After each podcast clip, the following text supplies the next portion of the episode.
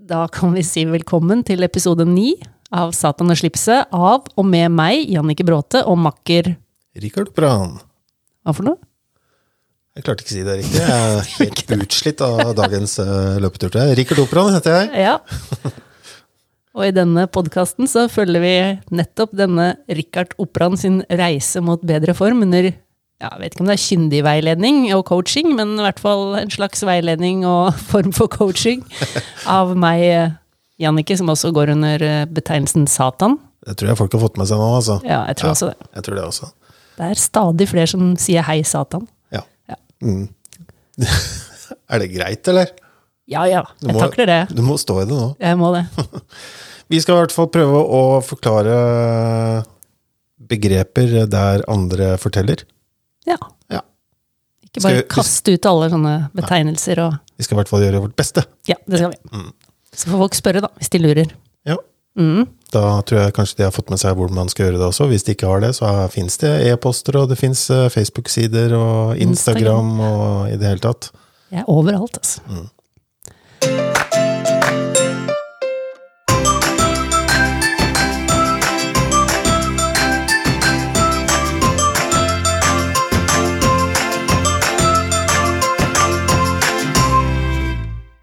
Men det har vært en treningsuke siden sist. I forrige episode var det jo en løpsrapport fra hytteplanmila. Ja. Hva har skjedd denne uka, da? Nei, det har skjedd litt av hvert. Det har det. uh, vi savna jo deg på, på mandag. Da var du fraværende. Mhm. Ja, men vi Satanskolen har fått uh, grundige og gode elever. De, de står til A. Så det ble en, det ble en eh, bakkemandag. Blir jeg passert her, eller? I sånn satangrad? Nei, ok. Nei. Selv om det er en god kandidat. det er det. Nei da. Eh, Jeanette hun dro oss med opp i bakkene. I høyden. Ja, hun gjorde det. Mm. Men eh, det, det man ikke dør av, det blir man sterkere av. Ja. Sies det i hvert fall. Ja. Og er det noe jeg trenger, så er det å bli sterkere. Så sånn sett så er det Men Der er det jo på god vei, da. Ja da. Men, eh, nei, men det, er, det er jo alltid deilig etterpå, da. Det er det. Det sier det. Og så fulgte vel eh, med ja, så bestemte jeg meg på tirsdag at jeg skulle bli med på den der slitesprinten, da. Ja. Ja. Meldte deg på der. ja. Og da tok jeg det rolig trening på onsdag og torsdag. Ja, apropos rolig trening, er ikke pulsen din litt grann høy på de rolige øktene der? Nei, Jeg klarer jo ikke å løpe rolig. Nei. Nei. For jeg bare så Du hadde fått en kommentar fra tidligere gjest Gossner på en av de, at han skrev 'god Jeg terskeløkt'. vet. Jeg svarte ikke på den. det så jeg. uh, ja. Det, ja, sånn er det jo bare. Jeg har ikke noe, har ikke noe godt svar. Nei. Nei, da går vi videre, da. Ja, vi For eh, videre. etter onsdag, de rolige øktene på onsdag og torsdag, så ble det da nytt gateløp Ja, ja, ja. på søndag. Herregud. Ja. Det, var bra det var på søndag og ikke det på mandag, for å si det sånn. For da kom det snø. Det gjorde det. Men eh, nei da, Slitesprinten, det var et hyggelig lite løp, det. Ca. 200 deltakere, vel. Ja. Mm.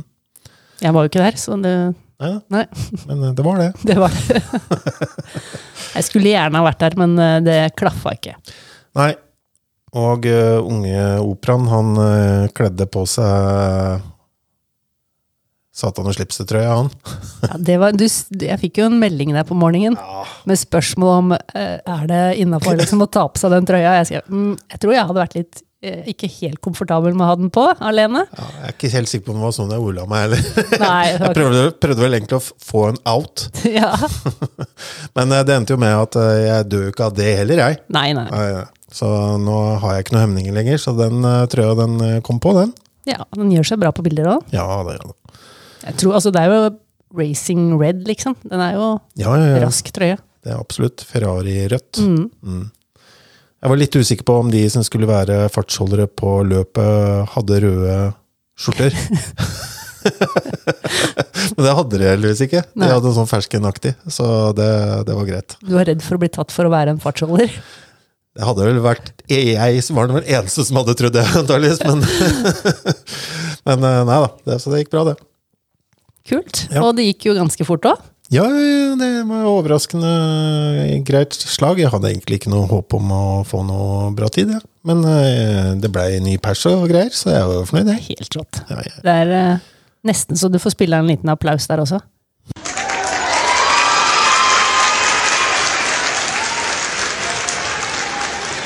På bestilling fra Satan. Ja, ja, ja. Ja. Ja, så da løp jeg på 50-22, var vel den offisielle tida, tror jeg. Eller 50-23, jeg husker ikke helt. Ja, så da barberte du av en haug med sekunder, og kom enda et eh, jafs nærmere sub 50. Ja, det må jo absolutt være målet. Det hadde nok sikkert vært inne på søndagen, det også. Men eh, nå får vi ikke tenke på det. Nå får Nei, vi bare kose oss Nei, det at løpet er gjort, og du persa. Og da, det skal du være glad for. Da skal vi ikke tenke på hva som kunne vært gjort ekstra. Nei, det er helt riktig. Mm. Ja, så det gikk bra, det. Det var uh, bra avslutning, og ja, jeg følte jeg hadde kontroll hele veien, egentlig. Mm. Det er veldig bra. Det er gøy. Det er gøy at du bare kasta deg rundt og gjorde det. Og så fikk jeg jo liksom kjenne på hvordan det er å, å ta igjen folk. Det var en veldig deilig følelse. Ja, er det ikke det? Du får litt ekstra kraft av det. Ja, Jeg gjør det faktisk, altså. Ja, det var eh, Mm. Det er ordentlig motiverende. Mm. Gøy. Så da kan bare snøren forsvinne og 2024 komme. Men det er litt mellom der. Ja, for det blir ikke noen flere 10K-løp nå, eller? Nei, ja, nei. nei. Det er Jessheim, vet du. Det er jo ja, nei, nå får det være et bra. par uker til, eller hva det er for noe. Ja. Nei, det er fortsatt mulighet til å løpe løp. Ja da, det er det. De som får, har lyst til det, kan gjøre det. Ja, jeg skal jo det, for eksempel. Ja, ha, ha, ha. En flott overgang der, men mm. for du har uh, din tøysejente. du har eh, skumle planer. Ja, eh, ja, så skumle er det vel ikke, nei, men eh, jeg har hvert fall Det er jo en stund siden jeg meldte meg på, da. Ja. Mm. Et, eh, tilbake til Sverige, da. Jeg liker jo å løpe der. Ja, Ja da. Så det blir en eh, 42 km i Stockholm, da. På lørdag. ja. Høstruske, faktisk. Høstruske. Har du løpt det før, eller? Nei, Nei. det har jeg ikke. Eh, Så det blir eh, Det er fire runder. Og ikke helt flatt, tror jeg. Og så er det akkurat nå er det meldt ganske mye regn. Så ja, ja. Det får bli som det blir. Målet er bare å ha det som en, eh, et løp som en god treningsmaraton, så jeg får en offisiell maraton til. Er det sånn fordi at du skal ha ett hvert år, eller? Jeg vil gjerne prøve det. Ja, ja, skjønner Jeg tror kanskje det er et år at jeg ikke hadde det i 2022. Nei, 2021, men jeg, nei, det er ja, samme det. korona ødelegger jo alt av statistikk. Mm. Ja, men så gøy, da. Ja, det blir spennende. Da får vi Hva er det kalt det? Høstrusket? Høstruske, ja. Ja, okay. Det er fint. Veldig- Høres litt ruskete ut. Ja, det gjør det. Ja, Ja, det sånn- ser jo ut som at det blir det. Altså, bare Jeg skal få en medalje, i hvert fall. Ja, Det skal jeg klare. kult. Det, nei, men da ønsker vi deg lykke til. Takk for det. Men eh, nok skravling om også våre trauste treningsuker og Jeg syns det er koselig. Ja. små, loka små lokale løp. Jo da, det er koselig, det, altså. Men eh, på søndag, vet du, ja. så er det nøyaktig ett år igjen. Skrekk og gru. Ja, Ja, for du, du skjønte hva jeg snakker om nå? jeg tror kanskje jeg har en følelse. ja, da er det New York, da. Det er New York City Marathon. På, det jo alltid den første søndagen i november. Mm. Ja. Så det er uh, førstkommende søndag. Åh, kjente at jeg ble nesten litt eh, kald i hele kroppen. Ja, det skjønner jeg. For du aner jo virkelig ikke hva det går til. Å, herregud. Ja. Nei, jeg gjør vel kanskje ikke det.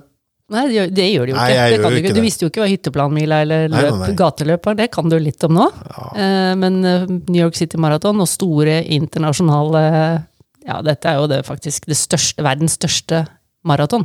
Ja.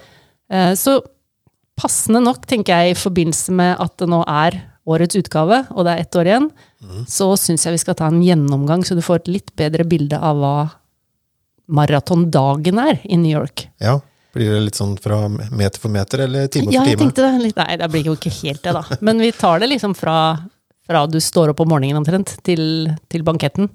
New York City Marathon minutt for minutt. Så dette blir en veldig lang episode. Det, Det blir en det maratonepisode, ja. Som sagt. Eh, Jeg kjenner jo løpet veldig godt. Jeg har løpt der flere ganger. Mhm. Eh, Sist gang i 2017 eller 2018, jeg er litt usikker. Oh, ja. uh, Men uh, jeg tenkte det var fint å høre hva andre folk mener om løpet òg. Noen som har løpt der mange ganger. ja. Så da inviterte jeg en gjest, jeg. Du gjorde det, vet du. Ja. Ja, og han kom òg. Han gjorde det. Det var kjempefint. Ja, kult, det. Du outa vel lite grann, jeg tror kanskje noen gjetta hvem det var da du sa sist at det var en person som, en lokal helt, som nylig la ned en annen løpepodkast. Ja. Jeg tror kanskje ganske mange tok, eh, tok det på den, ja. Ja. ja. Jeg gjorde det. For det er jo Jan Post vi har fått besøk av. Ja, Mm, og da har vel du googla litt igjen, da? det har jeg, vet du. Ja, Jan. Hva sier internett eh, om Jan Asbjørn Christiansen Post? Ja, nå er jeg spent. Eh, Ikke overraskende, kanskje, så er du norsk-nederlandsk. Du er 43. Du er gift med Anna og har to barn. Du er fra Langhus, men du bor på Råholt i Eidsvoll. Du er journalist, og du er ekspertkommentator for NRK-sporten. Du har vært og er ekspertkommentator for langrenn, sykling, golf, roing, padling, friidrett, og tok nylig på deg skiskyting som eh, ny gren.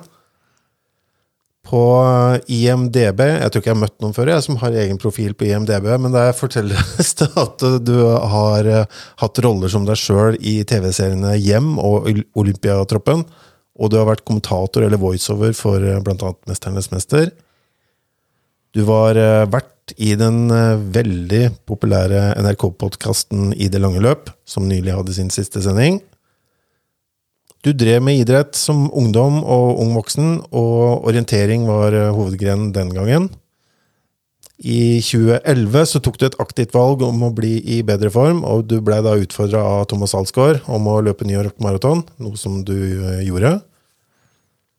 Bok har du skrevet òg. Et steg foran. Den kom ut i 2021 og er i hvert fall i sitt eh, tredje opplag, og kom nylig ut i pocketversjon. Den har jeg akkurat eh, lest nå, og kan eh, virkelig anbefale. Det var det du ville at jeg skulle si? ikke sant? Ja, det, da får du utbetaling. Det er bra. Løpemessig så har du ca. 20 fullførte maraton, og du er en av de privilegerte som har gjennomført uh, de seks maratonene som inngår i World Marathon Majors. Altså Tokyo, London, Berlin, Chicago, New York, og den siste du tok, var Boston i 2017. Du ble beste nordmann i New York Marathon i 2017 med tida 2.32,53, som er din foreløpige bestetid. Det er eh, relativt imponerende. Du løp Berlin Marathon nylig, og du skal løpe New York Marathon nå om eh, få dager. Velkommen til Satan og slipset, Jan. Tusen hjertelig takk. Altså, det der var research eh, med ganske høy klasse. Terningkast eh, seks. Her, Ja. har du- vært gjennom mye. Det, er- det er godt å høre. Du er eh, relativt lett å finne informasjon om, da. Det skal sies. Ja, det er skummelt hvor mye som finnes der ute. Men eh, ja, nei, jeg har jo hatt det litt travelt til tider, eh, skjønner jeg. eh, Når du nevner alt det der. Ja, det er en eh, grei CV eh, du har. Absolutt. Og traff han på alt, eller var det noe han Ja, Er det noe du vil dementere? Det var, det var ikke noe jeg ikke kjente meg igjen. Så kan du, altså Ekspertkommentator er jo kanskje å dra det langt. eh, Jeg ville holdt det til kommentator. Ja, ok. Hva skal har- til for å bli ekspert? Nei, da må du ha gjort det litt bedre i idretten. men da holder det ikke med 2.32. altså. Oh, ja. Så Thomas Alsgaard han er ekspertkommentator? Ja, da har jeg liksom fem-seks VM-gull og fem-seks OL-gull. Da, da, da, da er du brukbar. Ja, okay. Da er du ekspert. Ja, Lista ligger høyt, altså, med andre ord. det synes jeg. Ja, eh, nå har jo vi gått gjennom det litt, men for de som ikke kjenner historien din og rundt eh, idrett og løping eh, kanskje spesielt, eh, kan ikke du ta kortversjonen av eh, hvordan du kom dit du er nå, Jan? Jeg kan jo ta kortversjonen. Altså, nå sitter vi på, på Langhuset og spiller inn, og her har jeg vokst opp. Eh, Jeg drev med fotball, bare et par cornere, cornerlengder egentlig fra studio her. Eh, Og, og drev med alt mulig idrett som ung, eh, og holdt det gående langt ja, omtrent til jeg ble 20 år. Var ganske bra form, hadde toppidrettsstatus i militær og satsa på orientering, langrenn kombinert, eh, mye der opp gjennom tenåra. Så, så jeg så på meg som veldig sprek og hadde, hadde jo en plan og en drøm i livet om å bli toppidrettsutøver. Den eh, røyk omtrent når jeg ble 20, flytta til Bodø for å bli journaliststudent. og tenkte at skal jeg drive og fly oppi her, trene 20 timer i uka for å kanskje bli god orientering? orientering? Svaret var ganske lett å svare nei på. Så da måtte jeg finne en annen karrierevei, og da gikk det nedover med formen. Så jeg eh, var sportsjournalist eh, all in i, i ti, ja, litt over ti år der. Før jeg fant ut at jeg var så dårlig form at jeg måtte gjøre noe med det. Så begynte jeg å trene igjen. Ja. Og da, For det å være sportsjournalist det innebærer ikke at du trener underveis. liksom. Du driver ikke med sport. nei, du sitter på rumpa og spiser vafler og, og snakker om de som driver. Iallfall det i min bransje. Så nei, det, det er mye reising, ikke sant. Eh, kanskje 100-120 reisedøgn i året. eh, og da kan du ikke oppføre deg som på ferie. Det tok noen år før jeg skjønte det. Så du kan ikke drive og kjøre på med treretters middag og, og tre halvlitere liksom, eh, hver tredje dag hele året. Eh, altså da, da ender det gærent. Og til slutt så var jeg så dårlig form at jeg måtte gjøre noe med det. Og da løp jeg New York Marathon. Da. Det var der Alsgaard kom inn i bildet. og Du gikk vel ikke rett fra å være i den formen til å løpe um, New York Marathon, vel? Nei, jeg brukte jo 10-11 måneder der. Ja, det gjorde det. Ja. Ja. Og så ble jeg hekta på det. sett- For de som ikke har sett det, så kan dere google Jan Post og Monsterbakken. Var det et vendepunkt, eller? Det var, det var et vendepunkt. Det var jo Alsgaard sin skyld, det òg. Han har jo skyld i ganske mye, den mannen der. Um, Men, men han hadde fått feber, og vanligvis så sender vi disse ekspertene opp den bakken for at de skal si noe om eh, dagens løype og forhold og alt som er. Og da var det et lyst hode i redaksjonen som fant ut at når han er sjuk, så sender vi mannen i gata eh, for å se hva som skjer når mannen i gata skal gå opp denne beryktede slalåmbakken. Uh, Titta rundt bordet og, og så på meg. Um, så da ble det jeg som skulle gå opp. Og, og det ble jo sånn halvfornøyelig innslag på, på TV hvor jeg føyk opp der med et par kameraer på slep og på snøscooter. Eh, vi juksa jo litt, selvfølgelig, som man gjør på TV, og tok noen pauser. og Jeg tenkte her skulle gå greit. Jeg, var, jeg er jo fortsatt en ung og sprek fyr, men oppdaga jo ganske kjapt oppi den bakken at jeg var ikke så veldig sprek lenger, selv om eh, jeg var 30 år. 30, ja, 30 og et halvt år. eh, Og ganske ung, iallfall forhold til nå. Og, og da tenkte jeg oppi der at det her går ikke lenger. Altså. Jeg kan ikke være i så dårlig form. Det, nå har det gått for langt, så dro jeg hjem og begynte å trene. Ja. Ja. Og Da løp jeg maraton, og så ble jeg frelst på det, og driver med det fortsatt. Da, da har det gått tolv år, er det det gått? Ja. Uh, Så det var ganske kort versjon. Ja, det er jo egentlig det. Eh, Det vi som sitter på Siljen og ser, og du ble beste nordmann i New York i 2017 og sånne ting eh, Ja, det, har- det, det, det har jo med å gjøre at ingen som løper fort i det landet, som drar til New York for å løpe fort. da. Så da blir det liksom sånne supermosjonister som meg, som får gleden av det. Jo, jo, jo. Det fins en haug av folk som kan løpe fortere enn det jeg gjorde det året, men ingen dro til New York. Så da Ja, bra, bra for deg. Ja, det var jo fint for meg. Så fikk jeg den. Man må ta med seg dem, da. Ja, man må gjøre det. Men for oss som er på sidelinja og ser på da, så har du jo åpenbart et uforløst eh, idrettstalent som eh, Og du har blitt veldig god som supermosjonist, som du kaller det selv. Hender det at du angrer litt på at du ikke fulgte den retninga når du var ungdom, ung voksen?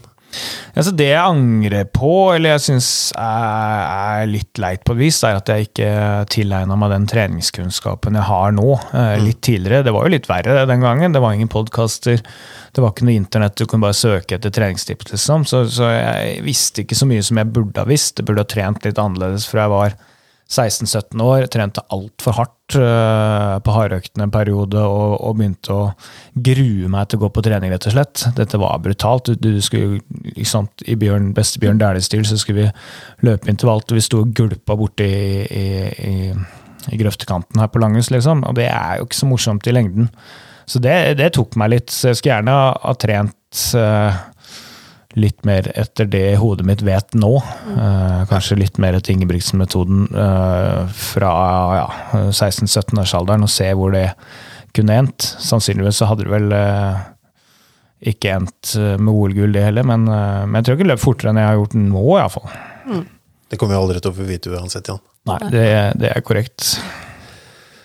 Du har jo hatt eh, de beste folka å prate med, i hvert fall nå i nyere tid.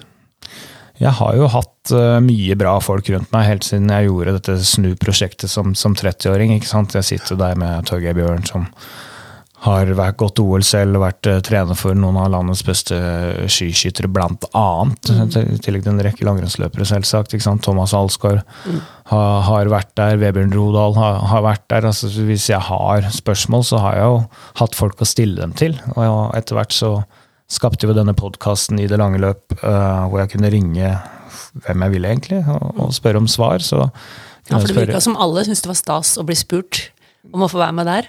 Det er iallfall veldig mange som sa uh, ja. Uh, Få sa nei, og det, det syns jeg var fantastisk at folk vil dele treningskunnskap. Da. Men da, da fikk jeg muligheten til å stille veldig mange spørsmål om trening. Så forhåpentligvis ble vi litt klokere selv også på den veien. Mm. Og mange andre som har blitt klokere. Altså det, ja, det har vært eh, fantastisk for oss lyttere å følge, følge i det lange løp. Så det var litt vemodig å høre den siste episoden, må jeg si.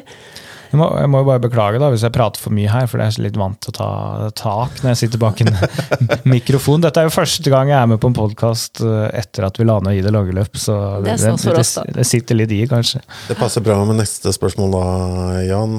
Har du i det lange løp abstinenser? Ja, altså, det tror jeg kommer til å få. Jeg tror ikke jeg er der ennå, for det har vært litt deilig rett og slett å ikke ha det presset om å levere en episode hver eneste uke. Um, nå med en gang, og så tror jeg etter hvert på sikt tenker altså Jeg tenker fortsatt sånn at jeg burde ha ringt den og den og den, Ja. og gjorde den det bra. Det kunne vært en bra story og sånn. Så jeg, sånn sett så har jeg kanskje litt abstinenser. Uh, jeg tror på litt sikt at uh, at jeg, jeg ikke har den unnskyldningen 'hei, hei, det er Jan fra I det lange løp', kan vi prate? Det, det kommer jeg til å synes er litt uh, dumt, da. Men vi får se om vi får overskudd om et par-tre år igjen, om vi kan finne på et eller annet som har med trening og podkast igjen. Det kan jo hende. Blir det noen gjesteopptredener i Breaking Marathon Limits, eller? Vi får se. Jeg har ikke fått noen invitasjon ennå. Jeg syns gutta klarer seg fint uh, selv. Så vi, vi, får, vi får se om de øh, inviterer meg. Ja. Nå begynner det å komme i knipe utpå ut på, på våren og har brukt opp de beste, beste gjestene, så ringer jeg meg. Ja, men det er bra å ha, ha et utvalg podkaster å følge, i hvert fall. Ja, det er jo mange engelske, det er mange svenske, og det har kommet en del norske nå som har med, med løping, så alt det ser mye lysere ut enn det gjorde for fem år siden. Så Finnes noe for de fleste. ja. Ja, det er tydelig, nydelig blitt løpt veldig fort innom maraton også. Eh, Du har jo snakka om det på TV, vel, antagelig, men eh, denne i Chicago Jeg tenker på 2.00,35. Ja, Kelvin Kiptum altså Vi fikk jo verdensrekord med et par ukers mellomrom, eh, egentlig, på, på herresiden og kvinnesiden. Først fikk vi 2,11 altså av en kvinne i, i Berlin med Asefa der, og så kom Kiptum. Det var jo ikke noe bombe for så vidt når det var bra værmelding i Chicago at det ble eh, verdensrekord, men jeg må si at han gjør det på en spektakulær måte når man ser splittene hans, hvordan han legger opp eh, løpet.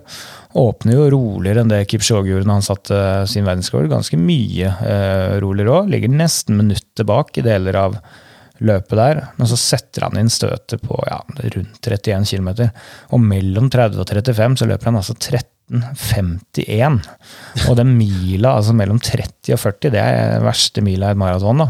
da løper han også under 28 minutter. Det var, han løper altså fortere der enn Narve Gilje Nordås vant hytteplanmila på. Og da hadde han noe varme opp i tre mil, da. Og, og Narve hadde selvfølgelig fulgt da, mellom 30 og 40. Men det er nesten at du ikke trenger å bruke hånd nummer to altså når du skal telle opp nordmenn som hadde kunne varme opp optimalt, stå på tre mil, vente på Kiptum og skulle henge med til 40. Det var oppgaven. Det er noe Ingebrigtsen-brødre og det er Narve og det er kanskje et par-tre til i, i ordentlig toppslag, liksom. Serøy, for eksempel. Eh, så vi må opp der. Det, det sier jo litt om den prestasjonen. Ja, det gjør det. Det er, eh, det er helt vanvittig. Er Chicago en spesielt kjapp uh, løype, eller? Du har løpt, du, Jannicke? Ja, ja, min pers derfra. Det er Ja. mange som setter rekorder der. Okay. Det er vel der og London og Berlin. Ja, altså, Chicago er superrask. Den er flat. Det er én bakke der, den er lite hyggelig plassert. Ca. 700-800 meter for mål. Ca. 10 høydemeter. Fullstendig unødvendig, selvfølgelig. Tenker man når man kommer dit. Har løpt flatt i så lenge, så skal man plutselig begynne å løpe oppover i det var et par hundre meter, da. men eh, man, man kjenner den. Nei, men eh, jeg vil tro at Berlin oftere har gunstige værforhold. Eh, ofte litt mer vindfullt i Chicago, og det kan også være litt oftere for varmt enn det har vært historisk i, i Berlin. Eh, så du tar kanskje litt større risiko som værmessig, men løypemessig kjapt som, som det går an. Definitivt. Ja, du var jo i, i Berlin og løp i september. Da Ja. løp du på 2.42,46. Ja. Nå er det snart eh, New York. Eh, Føler du deg taggad og klar, eller eh, hva er målet ditt med det løpet, Jan? Det har jeg stilt meg litt spørsmål om de siste ukene òg. Altså, det er jo da seks uker mellom disse maratonene, eh, og så tenker man på forhånd at det er kult. ikke sant? Det er eh, to av de råeste løpene i, i verden, og så er jeg kanskje mest, tenker mest på det første. Gjør det. Det går veldig bra.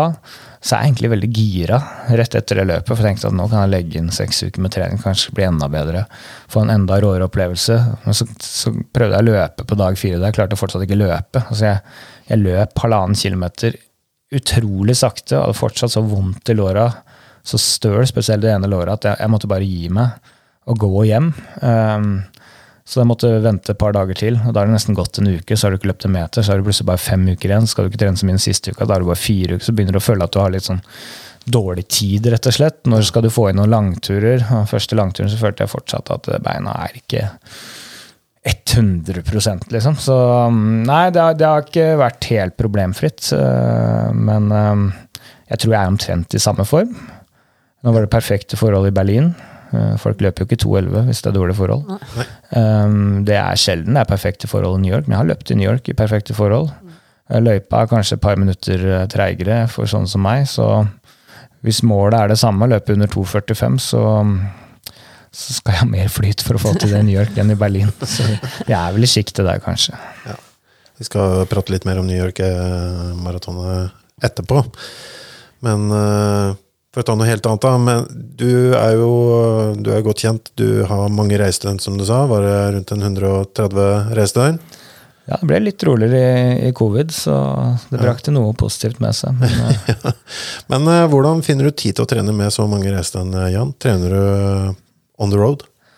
Ja, det er jeg nødt til. Faktisk har det sånn perioder de siste seks, sju, åtte åra vært sånn at det er nesten lettere å trene når man er på reise. Mm. Veldig få som vil meg noe eh, mellom 07 og 09 i hvert fall på, på, reise, så da kan man bare legge inn en økt der før liv og, og jobben og alt eh, tar ofte resten av dagen. Det hender jo at man må trener senere på dagen òg. Det, det, er litt sånn risikoprosjekt, for plutselig dukker opp noen som skal ha et møte, og så skjer det et eller annet journalistisk som du må henge i, og så er det noen som skal ut på en bar, og så har du lyst, lyst til å være med, og så ja.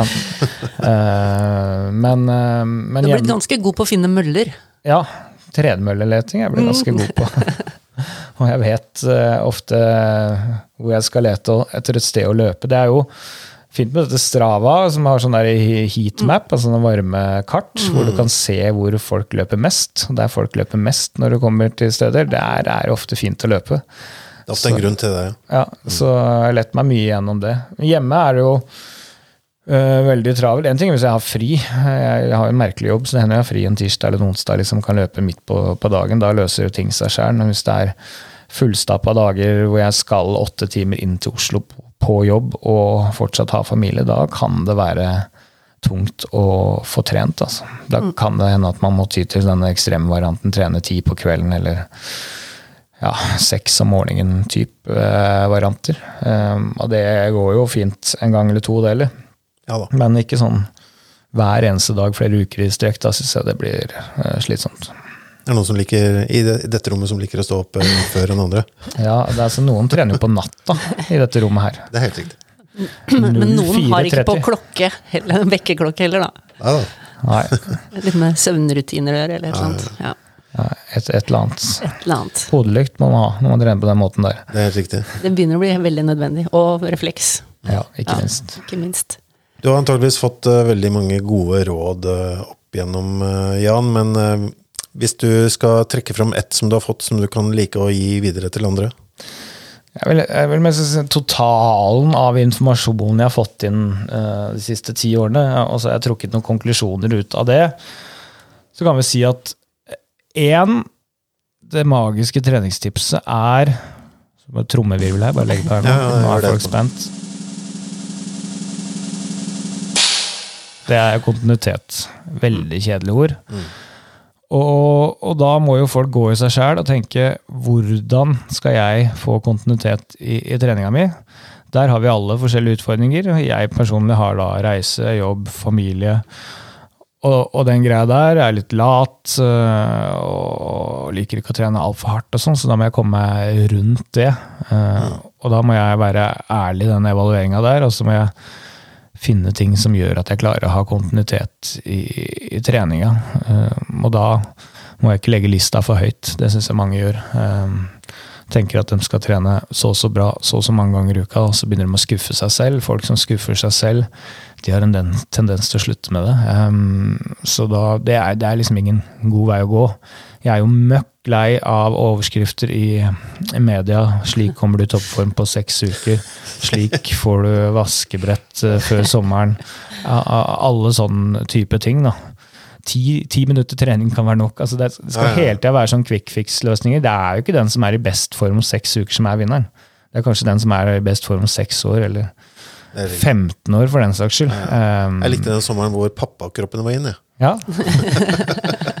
det er det er stadig, stadig noen varianter der ute. Ehm, noen passer bedre enn andre.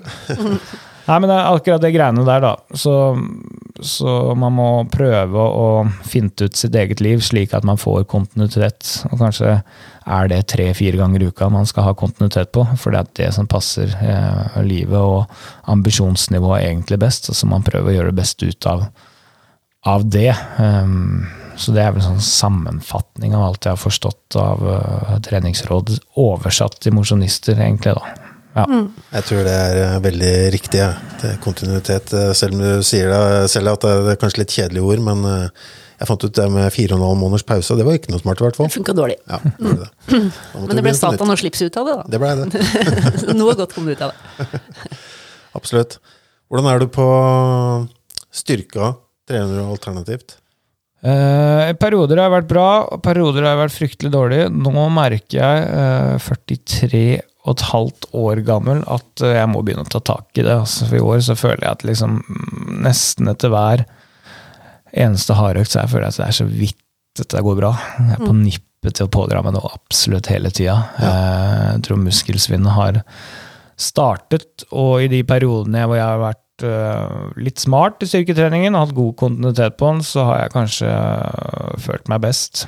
Så det gjelder å ta litt tak i. Og så er jeg så mye på farten at jeg kan på en måte liksom ikke møte opp på en fast time på det lokale treningssenteret hver tirsdag klokka seks. Altså, for jeg er ikke på roll hver tirsdag klokka seks. Så jeg må lage dette opplegget såpass enkelt at jeg kan Uh, få det til på et hotellrom, rett og slett. Ja, var det jeg svarte på til å si. Hotellromsstyrke, rett og slett. Ja, Og så må jeg begynne å få rutine på det. Alle vet jo hvordan det er å ta knebøy når man ikke har gjort det på et halvt år. Ja, det er vondt. Ja, det er fryktelig, ikke sant. Og så går det litt utover den neste treningsuka, og så gjør du igjen, så er det litt mindre støl, og så gjør du tredje gang, så begynner det å bli bra. Fjerde gangen er det bra. Så får du et fire ukers opphold pga. et eller annet, og så mm. går du på den igjen, så er du like støl igjen. Altså, da, da ødelegger nesten styrketreninga mer. Så du er nødt til å få en eller annen struktur på det, en eller annen kontinuitet som gjør at um, at restitusjonssida ikke blir enorm etter hver eneste økt. Så jeg, jeg, må Det er jo ikke så mye som skal til heller for at du får effekt av det. Jeg husker jeg gjorde det to ganger i uka, 20 minutter, på stuegulvet, liksom. Og da Jeg kjenner nå at jeg ikke gjør det når jeg løper langt, så blir jeg sliten i kjernemuskulatur. Og til og med i armene. Den armpendlingen. At jeg liksom har ikke nok krefter til det, liksom. Ja, men liksom et smart oppsett. To ganger 20 minutter, to ganger 30 minutter i uka. Mm. og å gjøre det med kvalitet, liksom. Mm. Nå, det er kanskje drittkjedelig, noen mm. syns det iallfall, mm. inkludert meg. Mm. Men bare ta den halvtimen to ganger i uka, mm. og så Ja, i hvert fall i vår alder, så tror jeg det er smart. da. Helt klart. Men jeg har fryktelig lang vei til styrkerommet, for jeg har ikke et ned i kjelleren. Jeg må, gå, jeg må gå ned hele trappa. Det, er, oi, oi. det kan være 20, 20 trappetrinn. ja. Voldsomt langt ned der. Og litt støl og sånn òg, så blir det ja. bare vondt. Ja, uff, ja. Nei, det er for langt. Altså. Det er lett, lettere å ta på seg løpeskoa. Ja. Nei, så jeg har jo ingen unnskyldninger. Eh, hva med det jeg skal fram til, så jeg har rett og slett vist litt dårlig moral på akkurat det punktet eh, siste året. Jeg tror det er ganske mange løpere som kjenner seg igjen. Altså. Ja, jeg tror det er en klassisk sak. Så, så jeg kone vet, som er fysioterapeut, så når jeg begynner å klage, klage, litt over småvondter her Får ikke mye medfølelse der. Nei, nei. Så, um, nei, jeg må gjøre en jobb. Ja. Apropos det, har du holdt deg skadefri, eller har du noen skavanker her og der? Akkurat i år så har jeg så å si vært skadefri. Jeg tror det kanskje har vært et par dager her og der hvor jeg på en måte trekker litt i nødbremsen. men eh, Det har ikke vært store ting i år. Men hvis vi ser, vi se de siste tolv årene over ett, så er vel det er vel én skade som var litt sånn øh, ordentlig øh, vrien. Det var en sånn nedre del av magemusklene, lysken-området øh, der. Som jeg rett og slett ikke helt visste hvordan jeg skulle komme ut av. Det medførte vel et par-tre måneder helt uten løping der et år. Ja, ok. Eh, Ødela et New York Marathon blant annet, som jeg ikke fikk stilt opp til start. Det endte med at jeg måtte gå med noe Gå på noe fryktelig eh, styrketrening tre ganger i uka. Uh, Halvannen times økter som jeg kjørte ganske tung styrke eh, og kom meg ut av det på. Eh, ellers så har det vært litt sånn gammelmannslegg. Eh, Gubbvad, som de sier i Sverige. Eh, noen av oss som har til, sterkere tilknytning til Sverige enn andre. Eh, det er vel den mest vanlige skaden. Det forsvant delvis litt når superskoene kom. 2017 fikk ja. jeg vel min første utgave av eh, superskoene. De skåner leggene mye mer enn de skoene vi hadde før det. Eh, Så det Så- hjalp veldig. Karbon er din venn? Ja, om det er karbonen eller om det er uh, rett og slett foamen. Uh, et eller Ja, annet som gjør at det er mer skånsomt, iallfall. Måten å lage sko på. Bør alle typer løpere ty til et par, uh, om ikke karbon, men i hvert fall av de nye typene? Jeg syns jo det gir mye løpeglede, og så gir det meg litt kortere restitusjonstid. Eh, Jeg er nok med og gir bedre kontinuitet for meg, i hvert fall. Så, så treng, altså det Noen av de er jo dyre, men man kan jo kjøpe de som var, gikk bra for ett og to år siden. De er ikke så veldig dyre, og de var ganske bra, de òg. Så man sjekker hvilke tider de har løpt eh, på de òg. Så får løp folk 202 203 med dem òg, så det holder Ikke det for oss. står på, liksom. For å holde for oss gamle travere, liksom. For sånn som slipset, da, som er i en eh, oppbyggingsfase mot maraton neste år, så kan det være, jeg tenker, det kan jo gi mulighet til å løpe litt mer, da. Litt mer kvalitet og, og ikke risikere like mye skade, kanskje. Ja, jeg tror det er, er det som er mest skånsomt. Så får man være litt smart på andre områder òg, men øh, hvis man ikke føler at det gir noe, på en måte, så er det ikke noe man må, tror jeg. Men øh, jeg opplever iallfall litt mer løpeglede med de, med de skoene. Det er ikke så mange av de beste som løper med de flate sålene som vi hadde på Adios og Boston og sånt tidligere. Nei, folk er jo sponsa, vet du, så de må løpe de aller nyeste Ja. produsentene har. Så de har ikke noe valg, i hvert fall. Men tror det- du de ville valgt det? Nei, det er jo litt interessant å se hvilke sko de velger i konkurranse. Mm. Jeg følger iallfall med på, på litt hva folk uh, gjør, og det, det er ikke alle som velger likt. Noen velger litt tilbake i tid òg, og, og det, det gjør dem nok litt mot viljen til enkelte produsenter av og til. Ja. Men, men alle er jo en form for supersko, det er det ikke noe tvil om. Uh, jeg har sett at du er jo litt fan av intervaller, i hvert fall. Ja, altså, jeg løper intervaller, altså, og, og jeg kan være like mye for hodet sin skyld som, som annet, men jeg, jeg er vel ikke den som, som sier at man må løpe intervall. Jeg har en kompis som er her fra Langhus, eh, som løp 2.38 på maraton uten å ha løpt en intervall eh, i det hele tatt i forberedelsesfasen, så det er ikke noe man må. Man løper selvfølgelig en del hardt. Eh, så jeg er mer opptatt av, av det, og så er det en kanskje litt lettere mentalt å gjennomføre intervalløkter enn å løpe hardt sammenhengende for noen, mens andre liker det andre. Eh, og da må man bare velge det som gjør det lettest at man kommer ut på trening, egentlig, Ja. tenker jeg. Eh, Det er tross alt det viktigste. Men har du et eh, favorittintervall du, du går til, eller varierer du hele tida? Eh, I perioder hvor jeg ikke er så god form, så varierer jeg mer enn når jeg er i god form. Eh, For når jeg ikke er i god form, så liker jeg ikke å liksom sammenligne med, med økter jeg gjør, eh, standardøkter, for å vite hvor langt jeg er bak absolutt hele tiden. Så da velger jeg kanskje varianter hvor jeg ikke har kjørt på en stund. Rett og slett for at sammenligningsgrunnlaget er litt dårligere, så kan jeg konsentrere meg å gjøre om en god økt, og, og, og, og det er det. Men det er jo det er noen gjenganger, ikke sant. Hvis man skal sjekke litt hvordan får man så ti ganger 1000 med ett minutt pause. Mm. Hvis jeg kjøper mølla, kjører jeg kanskje ti ganger fire minutter, for det er litt lettere med klokka der. Start på nytt drag hvert femte minutt, f.eks. 45-15 er jo en annen slager, og så liker jeg disse fartslekvariantene, kanskje én kilometer hvor du er på, én kilometer flyt, hvor du løper en 25-30 sekunder saktere enn den andre kilometeren. Eh, var det i går? Jeg kjørte, da kjørte jeg tre minutter på, ett minutt flyt, uh, ganger 15. Da får du en time som er ganske hard. Eh, kan også løpe en time sammenhengende, tror jeg. Jeg tror ikke det har gjort stor forskjell sånn treningsmessig før en maraton, men da er hele tiden et eller annet kortsiktig mål. Det, er, det er liksom ikke mer enn tre minutter til et eller annet skjer, i hvert fall. eh, På noe tidspunkt i den økta, så jeg syns det er en litt lettere.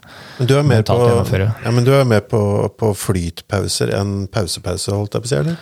Ja, det varierer også. Ja, det jeg, har, jeg har mye ståpause, men, men jeg liker de der fartsløksvariantene i maratonøyemed, som gjør at du, du kan ikke slappe helt av i pausen. Du skal jo tross alt løpe 42 km sammenhengende, eller hvis man trener til halvmaraton, 21 km sammenhengende. Eh, så det liksom, da, da blir Må på en måte trene på det òg. Ja, altså, så blir totale mengden på økta ganske bra, da. Um, sånn som i går når jeg løp en time, da kom jeg nesten 16 km. Hvis jeg skulle stoppa i pausen, så hadde jeg løpt mye kortere. Så jeg, jeg tror det gir noe herding av beina, iallfall i en sånn spesifikk maratonfase. da. Det tror jeg også. Hvis du skulle fått lov til å utfordre lytterne av Satan og Slips, og kanskje Slips eh, generelt, eh, med en økt neste uke, eller neste nærmeste normaluke, da, som, eh, som jeg er nødt til å gjennomføre, som er innafor min kapasitet, da. Eh, hvordan ville den økta se ut? Ja, det er jo en, en spennende variant. Eh, spørs litt hva man trener mot, og, og man kan jo kjøre den her i La oss kjøre den i minutter, da. Så skiller det ikke så mye på, på formen. Da kan man kjøre ni minutter, seks minutter, tre minutter ganger to. Så kjøre to minutter pause etter ni minutter, eh, 90 sekunder etter seks minutter og ett minutt pause etter tre minutter. Ja. Eh, Stillestående pause, eller? ja, eller gå. Mm, ja. Så da får vi 9, eh, 6, 15, 18, 36 minutter, da. Mm. Hvor omtrent høy fart bør man ha på disse Altså, Vi løper jo hytteplanmila i går, så vi, nå vet vi jo litt hva, hva nivået til eh, Richard ligger på. Det er ikke høyt. nei, dette, er det 10K-fart, liksom, eller er det Dette er jo litt spennende, ikke sant? For at uh, du kan si Jeg kunne jo sagt Hvis jeg skulle sagt for en eliteutøver på den økta, så vi har sagt maratonfart på tre kilometer. Eh, de løper da tre kilometer på ni minutter, kanskje. Eh, så da hadde vi snakka i kilometer, men på ni minutter så hadde jeg sagt maratonfart. Og så hadde jeg sagt halvmaratonfart på, på seks minutter, og så ti kilometer fart på, på tre minutter. Men jeg tror det blir litt for snilt eh, for vanlige folk. ikke sant? Hvis man bruker fire og en halv time på maraton, så er ikke maratonfart det er ikke så veldig høyt. Eh, da er det kanskje sånn at man løper maraton på to timer. Det er jo det samme som elitefolka bruker på helmaraton. Så da kunne man starta på halvmaratonfart. Du kan snakke om to timers fart, da, hvis du skulle løpe lengst mulig på to timer. Begynn på den farta, liksom.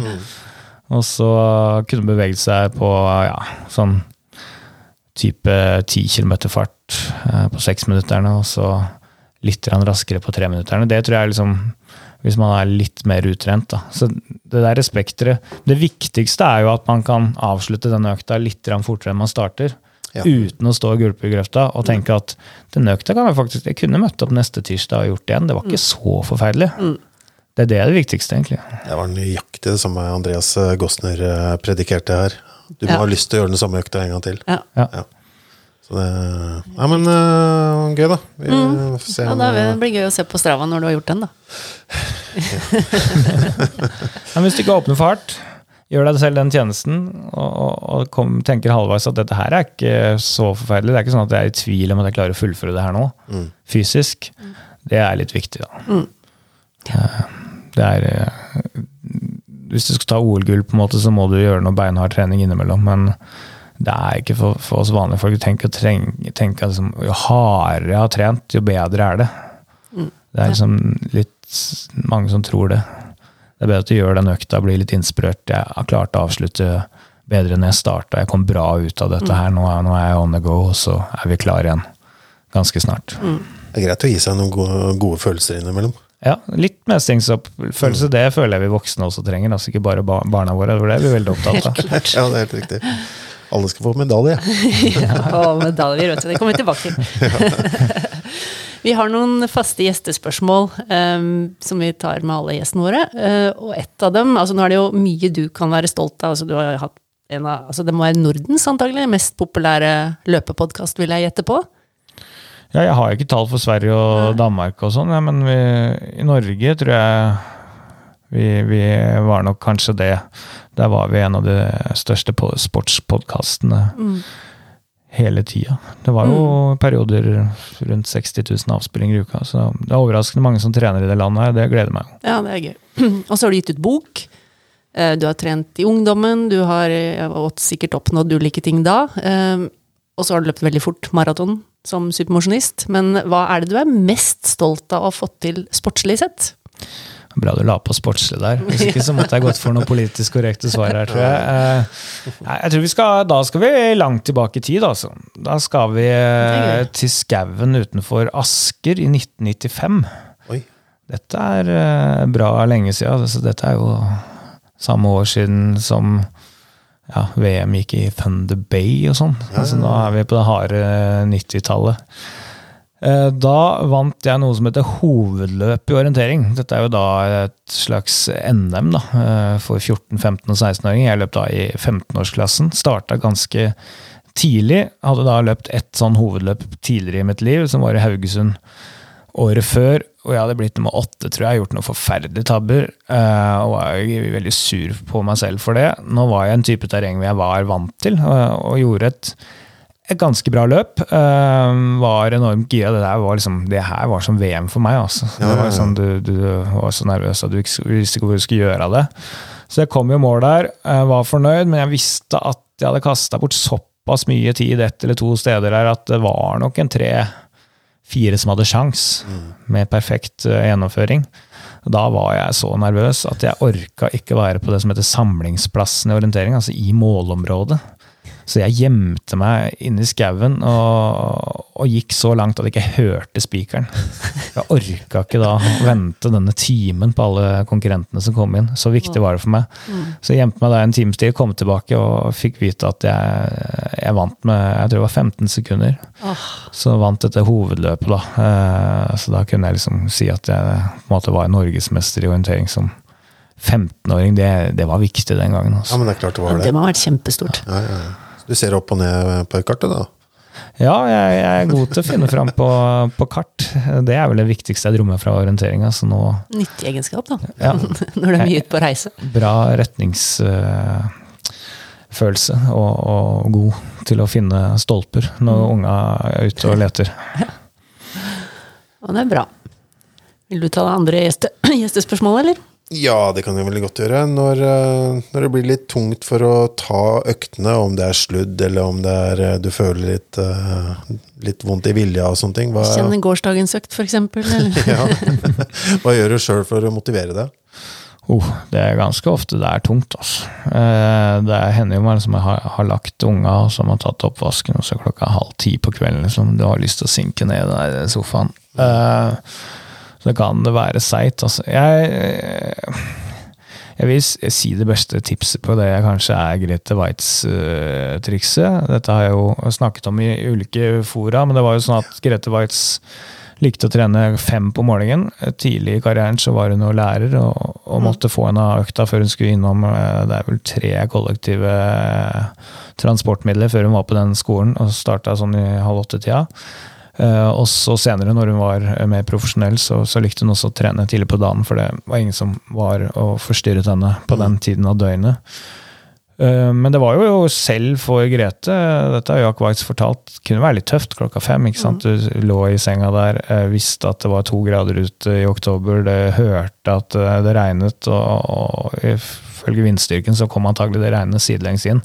Da var jo det litt småseigt også for Grete Weitz. Da hadde de den avtalen, da, de bodde på Jan, om at når de kom til Seterkrysset på Nordstrand, to-tre kilometer lenger borte der, da, hvis alt var like forferdelig da, som når Grete lå i, i senga der, jeg tenkte at uh, jeg har ikke lyst til å dra ut og løpe, så kunne Grete få lov til å snu og gå hjem. Ja. Så jeg spurte Jack Waitz hvor, hvor øh, ofte snudde Grete borti seterkrysset der. Skjedde aldri. Ikke én gang. Så jeg, jeg tror vi andre kanskje er litt softere, eh, og det tror jeg er bra. Eh, så kanskje vi, vi går hjem én av ti ganger, da. Men da berger du ni økter. Ja, det det. Så ganger det med ti, da, så, så har du berga 90 treningsøkter. Og det er med å bidra til litt kontinuitet. Så, så det vi kan tenke, er at det, når alt er forferdelig, er sliten Det kan hende at man bare er mentalt sliten, at kroppen egentlig er good to go, og det merker man. Hvis alt er like forferdelig etter to-tre kilometer, så er det antagelig ikke dagen for å trene. Men hvis kroppen har blitt varm, uh, huet er blitt litt lettere, og dette her fungerer på et vis, så kan man bare fortsette. Og det er stort sett der man ender. Så det er jo noe man kan tenke at hvis man forsøker, og heller avbryter underveis for at uh, det var faktisk en forferdelig dag, mm. og ikke bare frykter at det er en forferdelig dag, uh, så tror jeg det er en grei måte å, tenke på. Jeg tror altså du uh, nettopp lest boka di. Vi har egentlig ganske lik tankesett med å lage deg sjøl så få hindringer som mulig for å komme ut. da. Ja. Mm. Så jeg legger også ting fram på fryseren i gangen. Eh, bare sånn få det på, og så har du løpt tre kilometer før du vet ordet av det, rett og slett. Ja, du, du, må komme deg ut døra før du rekker å angre og stille spørsmål. Du skal, liksom, du skal lade klokka, du skal finne hodelykta, og, mm. og, og hvor var den tightsen jeg helt ville Den ligger på tørk, et eller annet, jeg må lete i båndet. Ja. Altså, det går et kvarter, 20 minutter, vet du. Mm. Og Gjorde deg rom for å vurdere det i hele tatt? Altså, det er ofte du kjenner etter hvordan kroppen er, så kjennes den ikke så himla bra ut. Nei. Og så kan det kjennes veldig bra når du kommer i gang. Ja, det er akkurat det. Så, jeg kjenner i hvert fall ikke min kropp i det hele tatt. Nei, men det er jo ofte man kan løpe gode løp når man er tung på oppvarming òg, så det, det, er mm. ikke så lett å lese. Nei. Ja, altså, alle som er ute og løper, de, de tenker jo det at begynner det å regne nå, så er ikke det så ille. Men det er mye verre å gå ut når, når du er tørr, og det ja, regner. Ja. Så bare være litt hard mot seg, hard mot seg sjøl kanskje noen ganger. Ja, Det er veldig sjelden man er ute og løper og fryser, hvis man har kledd seg riktig for dagens vær. Så det er jo skal småfryse litt første kilometeren to, så går det greit nesten uansett vær. Ja. Av og til er det faktisk sånn med meg, da er jeg kanskje litt sykt skrudd sammen, men hvis været er helt forkastelig, helt eventyrlig dårlig, det bare regner så mye, det kan regne og blåse, alt er liksom det er null folk ute. Da syns jeg det er kult. Da, faktisk. Da, Helt enig. Da er det gøy å gå ut. Ja. Det er kjempegøy å løpe gjennom vanndammer. Er det, eller var det bare jeg som syntes det? det? okay. Greit. Men hvor ofte kan man gjøre det, liksom? Nei, men, da kan du bare gi gass, liksom. Da, da er det, det, er, det er nesten sånn humor å være ute. Ja. Du er en av de tøffe som, eh, half som gjør man, det, liksom. Half nutter. Ja. ja. Men en videreføring av det, det med når du butter imot i forkant, er eh, i løp, da. Og du har jo hatt det tøft underveis i en del løp. Eh, har du noe mantra, eller er det noe du gjør når du liksom eh, Kipchoge han begynner å smile litt, har jeg sett, eh, for ja. å prøve å overtale seg selv til at dette er gøy. Oh, ja. Eh, men har du noe som du gjør når du syns at det blir tøft? Dette har jeg pønska litt på, fordi at uh, man må forberede seg på det. Spesielt på maraton så vil det på et eller annet tidspunkt bli ganske hardt. Altså. Hvis ikke så har du løpt for sakte, rett og slett. Det, det, blir tøft på et eller annet tidspunkt. Da tenker jeg liksom Hva skal du tenke da? Og der er nok folk eh, litt forskjellige. Noen kanskje begynner å tenke på, på den første ølen du kan ta etterpå, liksom, så funker det. Andre tenker på de som sitter hjemme og skal følge neste mellomtid. Altså, jeg liker da å være litt streng med meg selv, på en måte. Jeg, jeg liker ikke å, å, gi etter for det der at uh, man har det vondt. Så jeg kan, jeg kan bli litt sånn streng. Uh, tenker at liksom, nå er det en halvtime igjen her. Halvtime av livet ditt, hva er det? liksom? Vil du at barna dine, gutta dine, skal ha en far som er veik, som bare gir seg? For det er bitte litt vondt, liksom. Som ikke tåler litt grann. Så begynner jeg å kjefte sånn på meg, liksom. Går rett på kjefting, det er ikke noe sånn oppbyggende. Det er, ja. ja. ja men det er, det er litt litt det. Mm. og så gjelder det å sette seg kortsiktige mål. Jeg har jo sånn på slutten av maraton at jeg setter veldig mange kortsiktige mål. Uh, når du kommer til 30 km, så er det liksom der maraton begynner for mange. Så det er jo et viktig mål å komme seg mm. dit. Så kommer vi til 32, for da er det 10 km igjen. Eller gjerne 32, så løper jeg ca. 195 meter på klokka for å sjekke tida mi da. For det er akkurat 10 km igjen. Hvor fort må jeg løpe siste 10 km mm. for å løpe sånn sånn tid? Så det er et mål. Så er det 35 km, for da er det eh, mellomtid igjen, og så er det 37, for da er det 5 km igjen. Det er en mm. veldig kjent mm. distanse. Mm. Så var det en stund 39, for da er det akkurat rundt Sognsvann igjen. For det er 3200 og et eller annet. Ja, detaljert. Og så er det 40, da, for det er det siste i mellomtiden før man er i, i mål. Og så var det da 1 km igjen-merket. Uh, så det er liksom, da er det veldig mange korte mål på de siste 10 kilometerne, og det tror jeg hjelper litt. Ja. Det er smart. Det er kanskje en fin overgang til dagens tema, for det er jo tema, det er jo årsaken til at vi inviterer Det kunne vært mange grunner til å invitere deg, ja, ja. Eh, vi har snakka om en del av dem allerede. Men eh, det er da snart nøyaktig ett år til New York City Marathon, som jo er det store målet for slipset her, neste år. Mm. Og dit skal Jan, og Jan har løpt et antall ganger før. Vi, litt før vi begynte opptaket her, så diskuterte vi litt hvor mange. Ja, jeg måtte begynne å tenke. Jeg jeg kom vel på at jeg hadde Det er sju løp jeg husker. Mm, Så da tror jeg det er sju. det er sju. Eh, så jeg har vært i mål seks av de sju. Ja, så du endte egentlig på seks og en halv. Ja, jeg har løpt seks og en halv i distanse, ja. ja, ikke sant? Men jeg har vel fullført seks ganger, da. Det er vel det som teller. Det er det Ikke hvor mange ganger ja. du har stått på start, Nei, det er sant. Nei, og det var vel litt kjedelig den gangen du måtte stå av.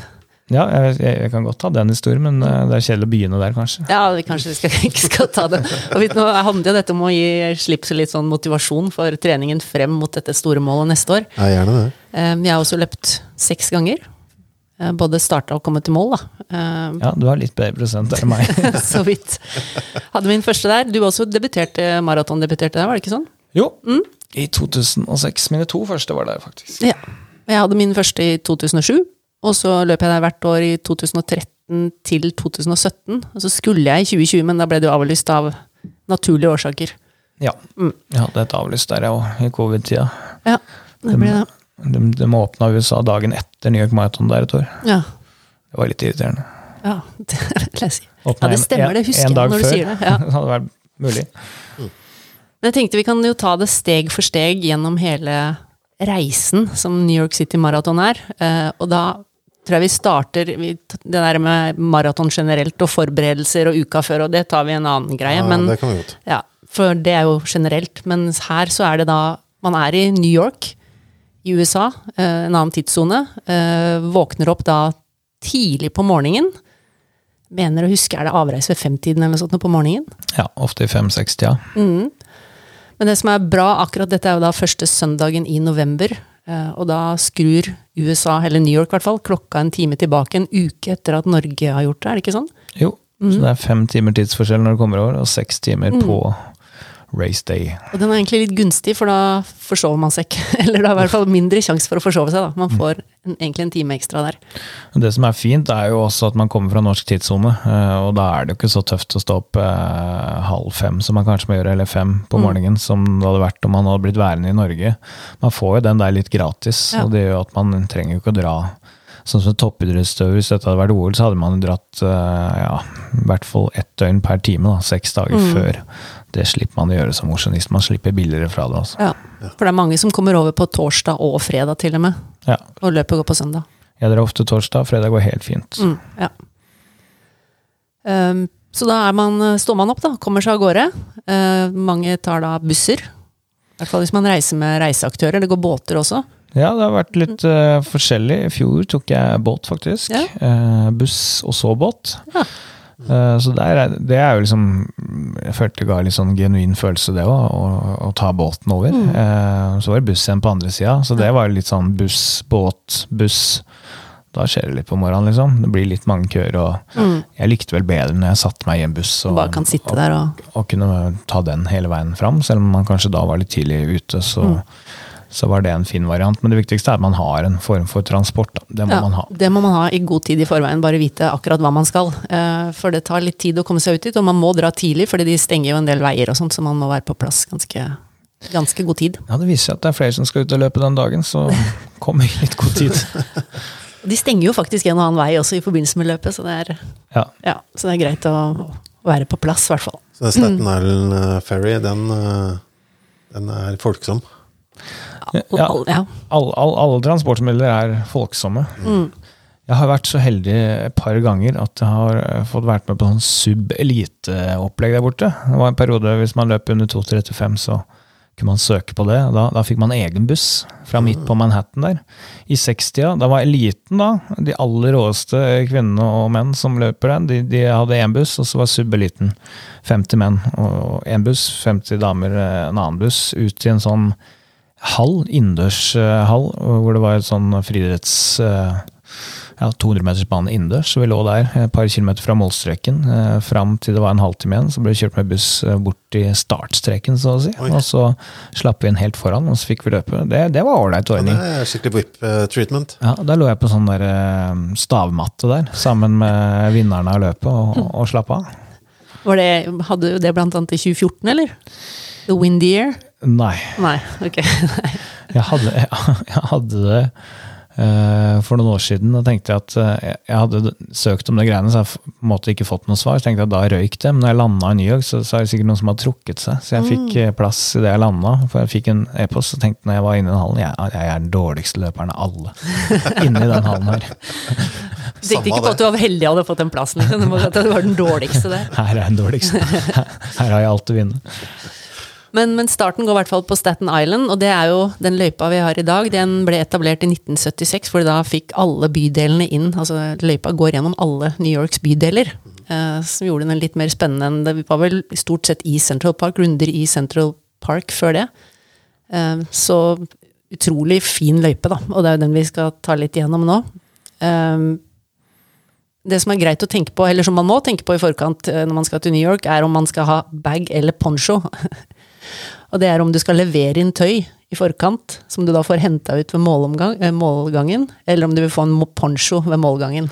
Ja, dette har utviklet seg litt nå. For, for, for, for noen år siden så kunne man jo da levere tøy på starten, som ble kjørt til mål. Ja. Eh, nå kan du ikke det. Hvis du skal få igjen noen klær på mål, så må du levere dagen før. Oi, dette var ikke jeg klar over. Nei, og Dette har skapt litt ekstra trøbbel. på en måte, så Det betyr at alle klær du har med deg til start, må du enten løpe i eller kaste på start. Ja. Det ser du ikke igjen. Så her gjelder det å grave dypt i garderoben. Eh, Det er ikke sikkert alle må grave så dypt heller, for hvis du begynner å tenke på hvilke klesplagg har jeg inni dette skapet som jeg ikke har brukt på et år, Ja. Har brukt det på et år, så er det ganske godt tegn på at dette kommer ikke til å bli brukt igjen. Da tar man på seg det, og så tar man på seg nok. Kanskje skal man være opp til tre timer. Hvis man har uflaks, man kan jo se på yr.no før man drar, da. Men man kan være såpass uheldig at det er rim i gresset når man kommer ut der. Jeg har vært med på det. tre timer? Tre timer, ja. Det er. Det er det, det, det kan være lenge hvis man fryser. Ja.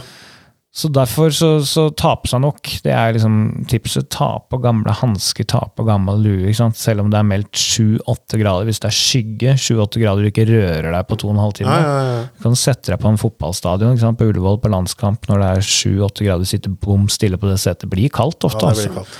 Så det er jo det samme her. Man vil jo ikke fryse og hakke tenner i tre timer før man skal løpe, så ta, med, ta på seg nok av klær. Og så kan man kaste det for start, og det får jo hjemløse eh, eller folk som trenger det i i byen etterpå. så det er, Som er litt bedre, bedre at de kan gå i det, enn at det ligger bakerst i, i klesskapet ditt i to år til eh, før det blir gitt til noen. Men det må jo se ganske Det skuet må jo være ganske fantastisk. Det må jo se ut som et loppemarked. Da, da. Ganske interessant. Dette er noe av det gøyeste med maraton, faktisk. Hva har folk på seg når de kommer ned i hotellobbyen og skal ta det? Vi har hatt mye rart, altså. Det er morgenkåper, og det er Pikachu-drakter, har jeg sett noen gå i. Altså, det er alt mulig som altså, de har funnet fram. Okay. Mens de hardeste italienerne de kjører eh, splitshorts, ja, ja. singlet og tigerbalsam fra klokka halv sju om morgenen. Ja, det er Ja, den eimen der av tigerbalsam, den er ganske intens. Men de hakker tenner, altså. Allerede kvart over sju. altså. Og ute på Staten Island så får man også noe servering. De har litt te og kaffe og bagels. Det er vel det man stort sett får der ute. Eh, så Og lue. Man, Man får og lue. lue. Ja, ja, Dunkin' Donuts. Ja, Oransje og rosa fortsatt, eller? Ja, det er, den eh, er ofte den fargen. Den kan man jo starte med hvis det er kaldt, og så kaste etter hvert. Sånn fleeceslue. Men Veldig mange vil jo ha den da, etterpå, for det er jo et lite klenodium fra løpet også. Da må du, Med nye reglene da, med bagasjeinnlevering, så da, da må du løpe med den hele veien. Altså. Ja, ikke sant? Det vet jeg ikke om det er verdt. Altså. Nei, det tror ikke jeg heller. Nei, Nei, det er sant. Eh, og så er det jo oppstilling før start da, ved en, helt, eh, en ganske spektakulær bro. Verrazano Narrows Bridge. Eh, og du står der ved den imponerende broen, og ikke mindre imponerende er det å se Manhattan Skyline langt borte. og du skal ikke bare dit, du skal langt videre også. Starten er jo noe av det mest magiske med hele løpet, egentlig. Ehm, Det er jo veldig amerikansk på mange sett og vis. Man har jo stilt seg oppe der, og så skal man inn i det som heter corals, altså litt sitt startområde, men de man skal starte med. Det er ofte en frist der en tre kvarter time før. Så da begynner man å nærme seg, og så beveger man seg nærmere og nærmere startstreken og står som sild i, i tønne. Og så begynner det å holde noen taler, det er noen race director og forskjellige som skal si noen ord. Og så er det liksom den amerikanske nasjonalsangen a cappella. Og det kan man jo tenke er veldig amerikansk, men jeg har stått der flere ganger og kjent på at det her var litt emosjonelt. Jeg er ofte glad jeg har solbriller på, jeg har gåsehud over hele meg. Men det er en sånn energi Ja. i, i, i det ventende startfeltet. Ikke sant? Det er 50 000 involvert. Og det er ganske mange forventninger ja, helikopter i lufta, og du vet at alle disse har trent for dette i lang, lang tid. De har hver sin egne grunn til å være der. Mange har reist lang vei. De har uh, tenkt på dette hver bidige treningsøkt i kanskje ett år, to år, tre år. Og nå er det minutter før, og så kommer denne nasjonalsangen oppå det hele, og amerikanerne liksom eh, de, de retter i ryggen og holder på hjertet og hele pakka der, men det er, du skal være litt røff om du bare gir helt blaffen nå. Definitivt. Det er et stolt folkeslag. ja, det er stolt folkeslag. Ja, helt sikkert. Så er det jo kult også når han race directoren sier 'Do we have clearance on the bridge?' Ja. eh, før starten skal gå. Og så er det jo da Dette er jo på et fort, så de har fyrt av, i hvert fall når jeg har vært der, en kanon. Det er liksom ikke en bare startpistol. Her kjører vi Ja. kanon. Kult. Eh, og så starter jo da gode, gamle Frankie Boy med Ja. New York, New York. Når de første løperne setter av gårde over, opp på broen. For det er opp. Det er en kilometer opp på broen til å begynne med. Det er klart at når Sinatra synger New York, New York der, eh, og, og man slipper løs, den energien som slippes løs der, den er ganske enorm. Mange som løper litt for fort den første kilometeren opp den broa. Men, hel- men ofte så har de satt noen sånne brannfolk og politifolk og sånt som skal få lov til å løpe helt framme, og de er jo ofte jeg tror det er bedre i benken til, enn til å løpe. De, de sørger for å bremse ned ganske mange. Så ja. man, når man først slipper forbi dem, da er det iallfall ordentlig gang. Fri flyt. Da Ja. er det fri flyt. Det er, eh, det er, det er rått. Og den broen går jo over to plan også, da, så man, noen starter under etasjen, og andre starter på toppen. Jeg har prøvd begge deler. Har du vært begge steder òg, eller? Jeg tror ikke jeg har løpt under. Nei. Jeg har fått høre at hvis du løper under, så bør du ikke løpe helt ut i kantene. Nei, det, det er helt sikkert. At Kan du du ikke bør. hvorfor? Hvis du har stått en time og venta i din Coral før start, Nei, nå er jeg helt blank. kan hende du har drukket litt. Og det er ikke nødvendigvis at du har fått letta på det trykket. Så det, eh, ja, så det kan være en grunn til å holde litt inn på, på broen der, da. Ja, det, er, det er altså de i øverste etasje som søker ut mot eh, broens kant, og så blåser det kanskje litt sidevind inn der. Ja, ja, ja. Så da, da er det ikke så hyggelig å være helt på sida under. Nei, du har ikke lyst til å ha med deg den de neste 40 kilometerne? Og ikke hvite, liksom. Det er ikke godt nok, det heller. Eh, Og det er ca. 70 meter over havet, så det kan jo være litt vind på den broen der. Eh, Det lengste spennet det er jo en hengebro, som sagt, og det lengste spennet er på 1,3 km. Jeg har hørt, men jeg har ikke selv kjent egentlig, at du kan liksom Trinnene til alle løperne gjør at broen gynger litt. Nei, da skal du ikke stå stille og kjenne nøye Ja. etter, tror jeg. Ja. Det. Det fins nok heftigere ving, eh, sånn hengebroer sånn sett her i verden. Ja. Men, men det synet, da, når du, ja, Ja. du, du ser til venstre der og ser Manhattan og Manhattan Skyline, Mm. og vet at du skal ende borte på Manhattan der, det, det er litt mektig. Og når du kommer ned på andre siden av broen, da, så kommer du til Brooklyn. Det er, altså Staten Island er jo første bydelen man er i, og så er det Brooklyn som er nummer to. Ja. Og der løper man oppover Fourth Avenue.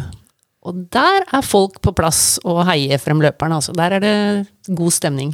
Og det er jo det som er så magisk med New York. Altså, det er folk. Folk er der ute og heier på alle.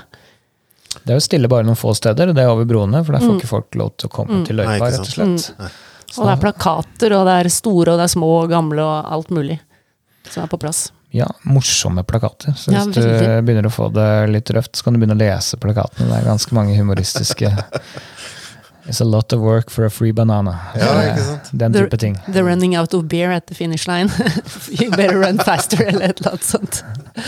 Det er mange, mange Sånn varianter. like. Ja, sånn kan jeg like. Ja, ja. Nei, da, da kan du kose deg. Jeg tror du kommer til å like det veldig godt. Uh, og etter uh, ca. 13 km så kom man inn i Queens, som er den tredje bydelen. Eh, Og det jeg husker mest derfra, i hvert fall det området totalt sett, er Williams, Williamsburg. Eh, jeg hadde lest om det på forhånd, så jeg var litt forberedt på det også, men det er et sånt um, hasidisk jødeområde. Ja. Eh, og de har ikke vært noe spesielt glad i løping eller løpere. Så de har vært sånn, nesten litt sånn protesterende altså, De er ikke ute og heier. Det er vel også sånn sett stille. Jeg tror det har blitt litt mykere etter hvert. Ja. Eh, men de, de, er, de kan krysse gata rett foran, liksom, bare for å ja, ok. ja. Ja. Mannen som starta New York eh, Maida, han var jo jødisk eh, og veldig opptatt av at de skulle innom dette distriktet. Eh, Men der er det litt stillere enn ellers. Så ser du disse eh, jødene i, i sine drakter. og så- Lange, svarte kapper og hatter og sånne krøll... eh, Ja. Du, du, du ser hvem de er. De er, på, vei- de er på vei til og fra religiøse ting. Eh, så, så de er ute og gjør sitt, og så kommer det liksom 50 000 travende inn gjennom området deres Ja, ja, på en vanlig eh, søndag. Så der er det litt Kan jo skjønne at det er litt irriterende. Og så går det en kilometer eller to, så, så når du på en måte hjertet av Williamsburg, som kanskje iallfall en periode var det hippeste eh, av det hippeste i, i New York. Hvor eh, det er mer liksom sånn der eh, sykkelsjapper og kafeer og, og, og steder du får ordna skjegget. Du skjønner. Litt, det er enda hippere enn Grünerløkka, altså. Ja, ja, så der kan vi ta en caffè latte, da. Du skal helst videre, da. Og det er da ikke lenge til du kommer til Queensborough Bridge. Eller det gjør du ved 24 km, da. Du, en ting med det. Eh, amerikanerne er veldig, veldig investert i sitt eget eh, eh, mål for, eh, for- lengde, holdt jeg på å si, altså miles. Står det både miles og kilometer, eller er det bare miles? Starten står det kilometer. Jeg er litt usikker på om det gjør det absolutt I hele hvert fall hver veien. 50 km, Ja, står det. Det er 5 jeg og ganske 10 og 15, og det er og halv, selvfølgelig. Mm. Det kan hende at det står vær nå, men eh, ja. Det, Jeg syns nesten det er bra når de ikke gjør det, for du blir så veldig bevisst på For jeg er ikke så god på miles. det er 26 av dem, ja, og litt til. Ja. Så må man regne litt annerledes. Det kan, ja. Men eh, ja, men eh, i hvert fall hver femte. Ja, ok. Så har du jo klokka, da. Ja da. Eh, men Queensborough Bridge, det var min, jeg, den første gangen jeg løp. eh, så jeg ble jo altfor ivrig over broen, over den første broen. Så for meg så smalt det litt eh, en god stund før jeg kom til Queensborough Bridge. Så det var ganske heftig å skulle løpe gjennom der da. Og der er det ikke noe publikum, for det er jo en av disse broene.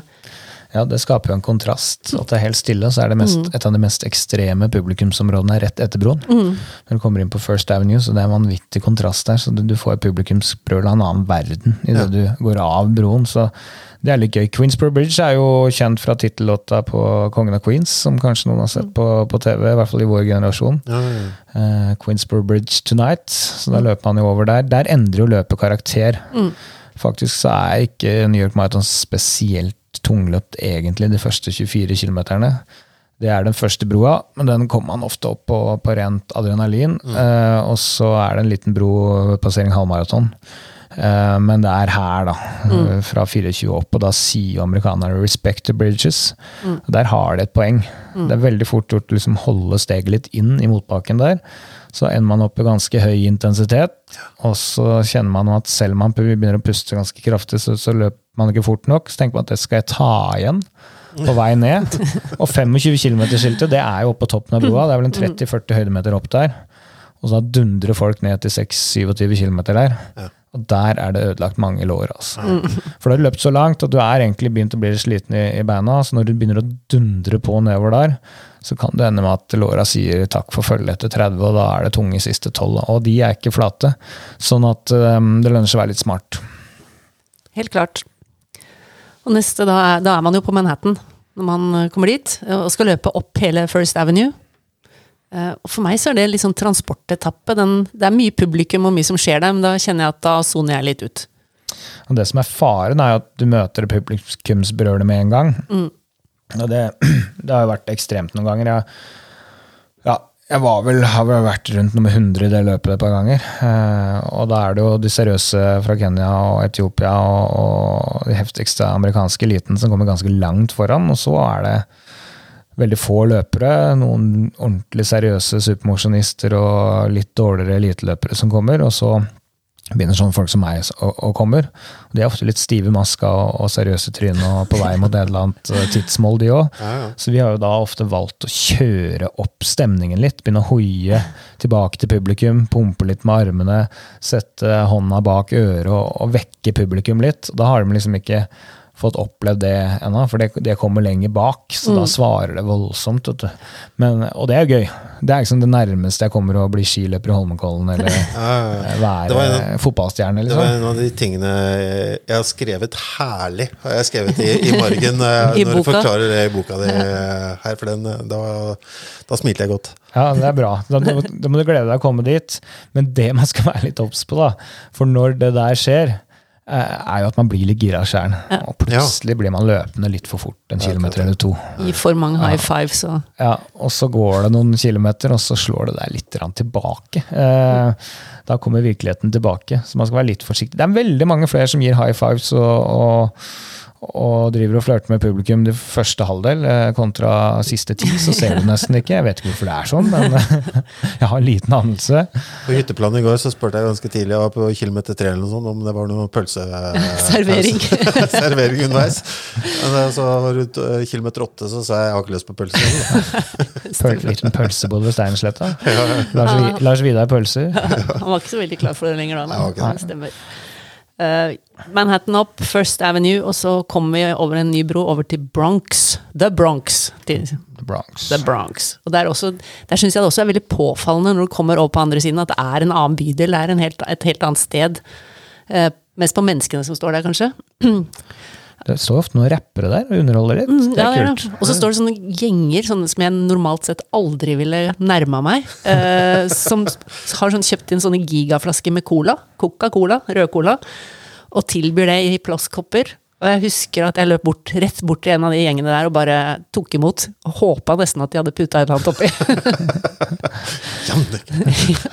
Jeg fikk ikke noe effekt. Det var like slitsomt resten allikevel. Men det, det er en Ja, du har en litt eh, artig historie, da. Eh, Ja, altså, det det var jo aller første gang jeg løp uh, maraton i New York. Totalt uforberedt på mange sett og vis. Hadde vært skada. Det var en kompis av meg som egentlig hadde utfordra meg. Dette var noen år før Alsgaard kom på banen. Uh, han var, uh, og er, uh, musiker. Jeg har aldri sett han løpe noe særlig, verken før eller siden. Men han mente han skulle løpe New York Marathon, lurte på om jeg skulle være med. Så at hvis det innebærer at du skal løpe maraton, skal jeg være med til New York. Det var litt sånn bråkjekt. Det var litt tettere på egen idrettskarriere, så jeg, skulle jo flyte litt mer på den. Men skade og diverse gjorde at jeg var ikke forberedt, jeg heller. Så jeg løp vel første halvdel på 1,36 og siste på type 2,05 eller et eller annet sånt. Så det ble en seig siste halvdel der, og, og låra stoppet jo. Eh, Så når jeg kom fra Bronx, begynte å jobbe meg inn i Harlem, så, så beit krampene. Jeg klarte ikke å komme meg videre, så jeg ble liggende på asfalten, på ryggen, tittet opp. Der sto det en høy, eh, mørk fyr. Og jeg prøvde å gestikulere da at han, han skulle tøye ut altså du vet sånn den klassiske tøye ut krampen-varianten. Han var ikke med på det med en gang, men han, etter hvert så skjønte han poenget. Og fjerde gang han dro meg opp på beina, så beit ikke krampen igjen. Oi. Så jeg sa så, thank you, sir. Og så begynte jeg å jogge da, så han rart på meg. Han lurte på hva jeg skulle jogge, men det var jo da 7-8 kilometer igjen. Jeg var litt nervøs for hver eneste steg. Men eh, ja, det var en krampehistorie fra rett etter Bronx. Ja, ja for det er, det er et godt stykke for Du, du, du er tilbake på Manhattan igjen, eh, og så se, kommer du til Central Park. Og da er det fort gjort å tenke at åh, nå begynner det å nærme seg, liksom. Den er lang, den. Den eh, er parken, lang, altså. den parken der, altså. Grete Waitz sleit jo med det der første maraton sitt 78, for hun hadde hørt at maraton var i parken. Hun var jo litt forvirra på dette her med miles, hun også, akkurat som andre kan, eh, kan bli, og tenkte at nå er det ikke så langt igjen. Ah, Kom jo aldri til mål, vet du. Gjorde det til slutt, altså, men hun syntes det var mange trær før hun kom så langt. Ja. Og så bølger det, altså det går litt sånn opp og ned hele veien der. Ja. Etter 36,5 km så kom han da på nordøstre hjørne av Central Park. eh, og ser denne svære parken foran seg. Og det som er lite hyggelig, er jo at det, det kommer 30-40 høydemeter på den neste kilometeren. Og den er jo plassert på et brutalt sted. Jeg mener det er den verste motbakken hele New York Marathon. Mm. Det det. er ingen av bruene. Det er denne stigningen opp langs Central Park. eh, fra 36,5 til 37,5. Og da tar du inn i toppen av altså toppen av parken, da, midt i parken, egentlig, så tar du inn i, i parken. Og da er det jo ikke, som du sier, flatt da, eller da, da småbølger det egentlig hele veien inn. Så den, den bakken der, det er da ja, Det er det stedet jeg ser flest gå. Og da snakker jeg om folk som hadde ambisjoner å løpe på 2.30, 2.35, 2.40. De oh, ja. går. Ja, Som har åpnet for hardt. Yes. Så det er, det er eh, Det er en klassiker, det. ja, man, man blir straffet hardt i New York Marathon hvis man åpner for hardt på grunn av Central Park. Ja. Jeg var der og løp i sommer, jeg. Det gikk helt fint. Du tok ikke den begynnelsen, da. Nei, jo ikke. Nei, men Det var der sist jeg var og løp. Det var jo i fjor. Da hadde jeg øh, vist seg i etterkant covid når jeg løp. Det var jo ikke spesielt gunstig fra starten av. Så jeg hadde en forferdelig tur gjennom hele New York, og det toppet seg da en fyr i pølsekostyme kom i denne bakken langs Central Park og løp forbi. Løp forbi det? Ja. Nei, nei. Da, da kjente jeg at uh, nå må målet komme snart. Men så du, løper, du kommer inn på det nordøstre, og så løper du gjennom parken ned til Følger egentlig på, på østre side. Ja. Eh, men litt inn i parken eh, siste halvdel. Ja, det er vel Jackie Onassis uh, Reservoir. reservoir midt i parken der. Da kommer de rett på sørsiden av det, inn i parken. Og så vet du da, for du ser eh, skyskraperrekka helt i sør i parken, at du skal ned dit. Og så skal du løpe på tvers av parken. Egentlig rett utenfor parken, da, i, i søndre del av parken. Og så Det er en kilometer, det òg. Ja, der går det faktisk slakt oppover. Ja. Det kjente du ikke når du løp i, i sommer, men det kommer du til å kjenne, kjenne da. Og så opp til Columbus Circle. Og så er det 400, ja, 600 meter under parken igjen. Mm. Oppover. Ja, siste 200 er oppover. Bare sånn litt for moro skyld. Artig liten kneik der. ja, ja, ja. Men da er det jo en fin, fint oppløp da, med flagg, og det liksom står alle nasjoner som er med, og så har vi jo det eget, i hvert fall med mindre de har endra nå, så har de en litt sånn historisk eh, hommage til eh, mange tidligere løpere, blant annet eh, Grete Waitz, Ja. som jeg alltid ser etter der. Eh, Få et glimt av henne. Den flytter seg jo litt rundt, tror jeg. Pleier ikke å være på samme sted. Jeg ser etter det 400 meter igjen-skiltet. Ja. Du løper litt litt fortere, da. Og så står det 200 meter skilt igjen, og da vet jeg at det er oppover i 200 meter til mål. Ja. Jeg, jeg tror ikke det har så mye med hvor fort man løper, men det er litt sånn state of mind når man kommer ned Mm. der, fordi at uh, jeg pleier ikke å være tilregnelig. Altså, da er det Da er vi på stålet. ja. Ja, men du er nok, vi har diskutert det litt før også, hvor, hvor god man er på å gå helt ned på stålet. Uh, og jeg, der er nok du mye bedre enn meg, da. Det får vi aldri målt. Nei, det går ikke an å måle. Men de fleste kjenner litt på det ved det daværende tidspunkt uansett. Ja. Men målgang, det smaker godt. Og det smaker veldig godt i New York, og du får en veldig fin medalje. ja, det håper jeg. Ja, ikke sant? og så skyfler man eh, videre, da, og da gjelder det å ikke stoppe. Man blir jo jaga videre, man får ikke lov til å stå stille. eh, Og det er jo veldig viktig å unngå medical tents, som de kaller det. Eller hva, Jan? Du har vel hilst på noen sånne? Ja, øh, det har jeg. Uh, holdt på å ryke inn i det i New York òg. Det er vel i Berlin jeg har min verste historie om akkurat det. Da var jeg inne i to av dem før jeg slapp videre etter en halvtime. Da målte de blodtrykk og diverse ting der. Helte i meg salter, og det var litt, begynte å bli litt halvguffent, faktisk. Når jeg slapp ut av det første, så følte jeg var god, vet du, og da fikk med medalje, og så gikk det to minutter igjen, så var det en fyr som rappa meg inn i det neste. Og, så jeg gikk vel kanskje ikke helt uh, rett. Sånn der amerikansk promilletest som du skal gå bort og se. Jeg tror ikke jeg hadde bestått Den Altså. Så ja. Men det, det er jo bra at de har folk, for, det, for dette det blodtrykket kan jo dette litt. Og spesielt i årene det er varmt. I fjor var det veldig varmt. Da er det folk som er dehydrerte òg. Så um, det er jo litt av hvert å se av tilstander i et sånt uh, målområde. Men eh, du sa litt om eh, i fjor var det veldig varmt. Det er jo første helga i november. Det kan være Kan guffent i, i New York. Hvor mange det. grader var det da? Eh, I fjor var det vel rundt 25. I tillegg var det ganske høy luftfuktighet. Det var vel et av de verste årene når det kommer til varme. Jeg har jo også vært der borte, og det har vært snøstorm helga etter. Mm. Så jeg tror du kan få alt fra minus 2 til type 25, 26, 27. Altså et eller annet sted mellom der. Ja. Du håper jo omtrent på midt mellom der. ja, sånn tolvplass. Ja, ja. Mm. Jeg var der i, i 2011 når uh, løperekorden for herrer ble, ble satt. Da trodde jeg det var sånn det var alltid i New York, men da var det type blå himmel. Det var litt rim i gresset når vi kom ut på startområdet. Fem-seks grader når du startet litt over ni, og en, en 13-14 i mål, og sola varma, liksom. Så det er jo det man drømmer om på en vindstille dag. Mm. Helt klart. Videre da så er det en slags zombie walk. Eh, mange som omtaler det som det. Eh, man har enten fått poncho eller en sånn eh, foliegreie og har rundt skuldrene for å holde på varmen. Og skyfler, kan vi vel kalle det, eh, videre fremover i et tog eh, for å komme ut av parken. Litt avhengig av om man da har bagasje som man skal hente, eller eh, valgt en poncho-løsning, sånn at man har den rundt skuldrene. Men tar, den tar litt tid, og det er ganske langt før man kommer helt ut av parken og ut på avenyen på, siden, på vestsiden av parken. Her, da. Du er ikke helt oppe ved Strawberry Field? Mm. Jo, området der, og, Ja, og enda litt lenger nord. Mm. Og da kan det være at man har, kanskje man har med hotell to kilometer unna, et eller Mm. annet sånt. Det virker jo ikke så lenge når man er på morgenjogg dagen før og dagen før, men akkurat etter å ha løpt i 42 og ut av parken der, så kan det virke veldig langt. Kanskje bor man lenger unna, og da kan det være fint å ha sånn T-banekort. Eh, nå trenger man egentlig for så vidt ikke det i New York, man kan bare ha et kredittkort i lomma, for man kan bruke det på T-banen nå. Man tapper seg inn. Det kan jo fungere på taxi òg. Det var et år jeg bare hadde 20 dollar med meg, og gikk ut på vestsida av parken der.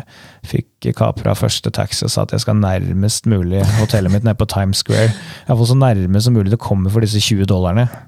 Egentlig så gikk de pengene ut når det var en liten kilometer igjen der, men han var, han var i det greie hjørnet. Han, han, han leste rommet og kjørte oss bort.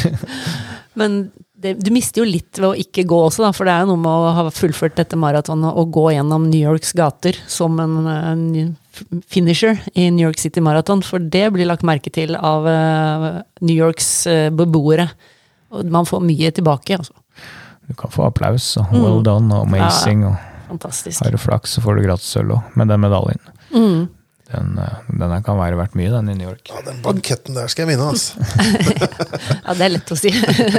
Løp, løpe først. Ja, det er greit. Det tenkte jeg første året jeg var der borte. Og så hadde meldt meg på sånn eh, bankett da, oppi en eller annen skyskraper der, hvor det blant annet var det en bar som gikk én runde på én time, så du kunne se rundt hele greia der. Men da, jeg tror jeg klarte å spise en og en halv reke og drikke en halv øl, ja, for jeg var altså så kvalm.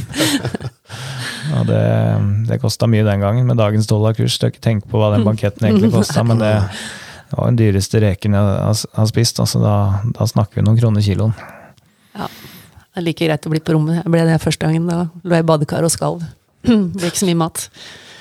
Men uh, du er enig med meg med medaljen resten av den dagen, eller?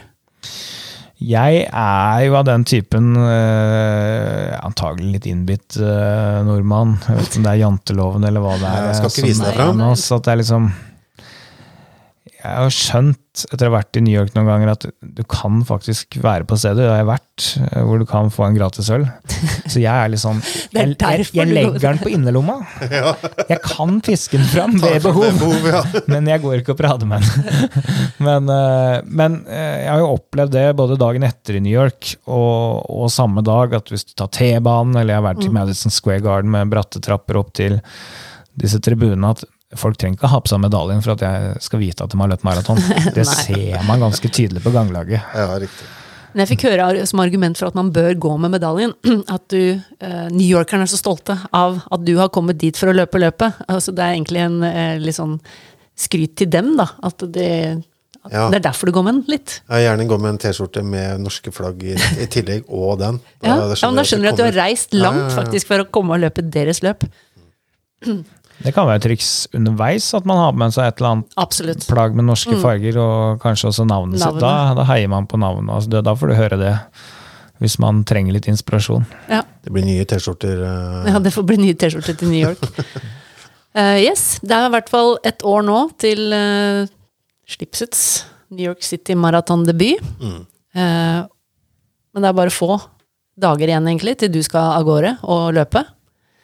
Det hadde vært gøy da, å få en liten race report og høre hvordan det gikk. Ja, Hvis du har mulighet til å sende over det. det er bare å minne meg på det, så skal jeg lese inn på min mobil, så dere skal få et, et lydspor over. Jeg gjorde det i fjor for I det lange løp. Det er vel en av eh, ja, det var, det var en såkalt rant. Jeg hadde, jeg hadde ikke det spesielt bra. Nei. Eh, passert av Marit Bjørgen og så dette pølsekostymet og, det var og litt diverse der. Eh, så jeg håper jeg har en litt mer positiv rapport i år. Det er jo litt av målet her, å løpe et fornuftig løp. Mm. Slippe hate for mye, eh, samtidig presse ut det jeg er god for. Mm. og få et slags revansje på den opplevelsen i fjor. Mm. Det er jo litt sånn, eh, det tar jo tid dette her, så jeg hadde kanskje tenkt at eh, jeg har løpt mitt siste New York Marathon, eh, men jeg kan ikke avslutte med det jeg drev med i fjor. Mm. Så vi må i hvert fall ta med i år. Mm. Jeg er ikke helt sjokkert ennå om jeg er på start med deg eh, igjen neste år, men vi får se. Ja. Selv om det hadde sikkert vært gøy med en rant, så håper vi at det blir en Vi også håper at det blir en litt mer optimistisk og glad tilbakemelding. Ja. Avslutningsvis så har vi noen sånne fem kjappe, hvor du bare ikke skal tenke, bare svare.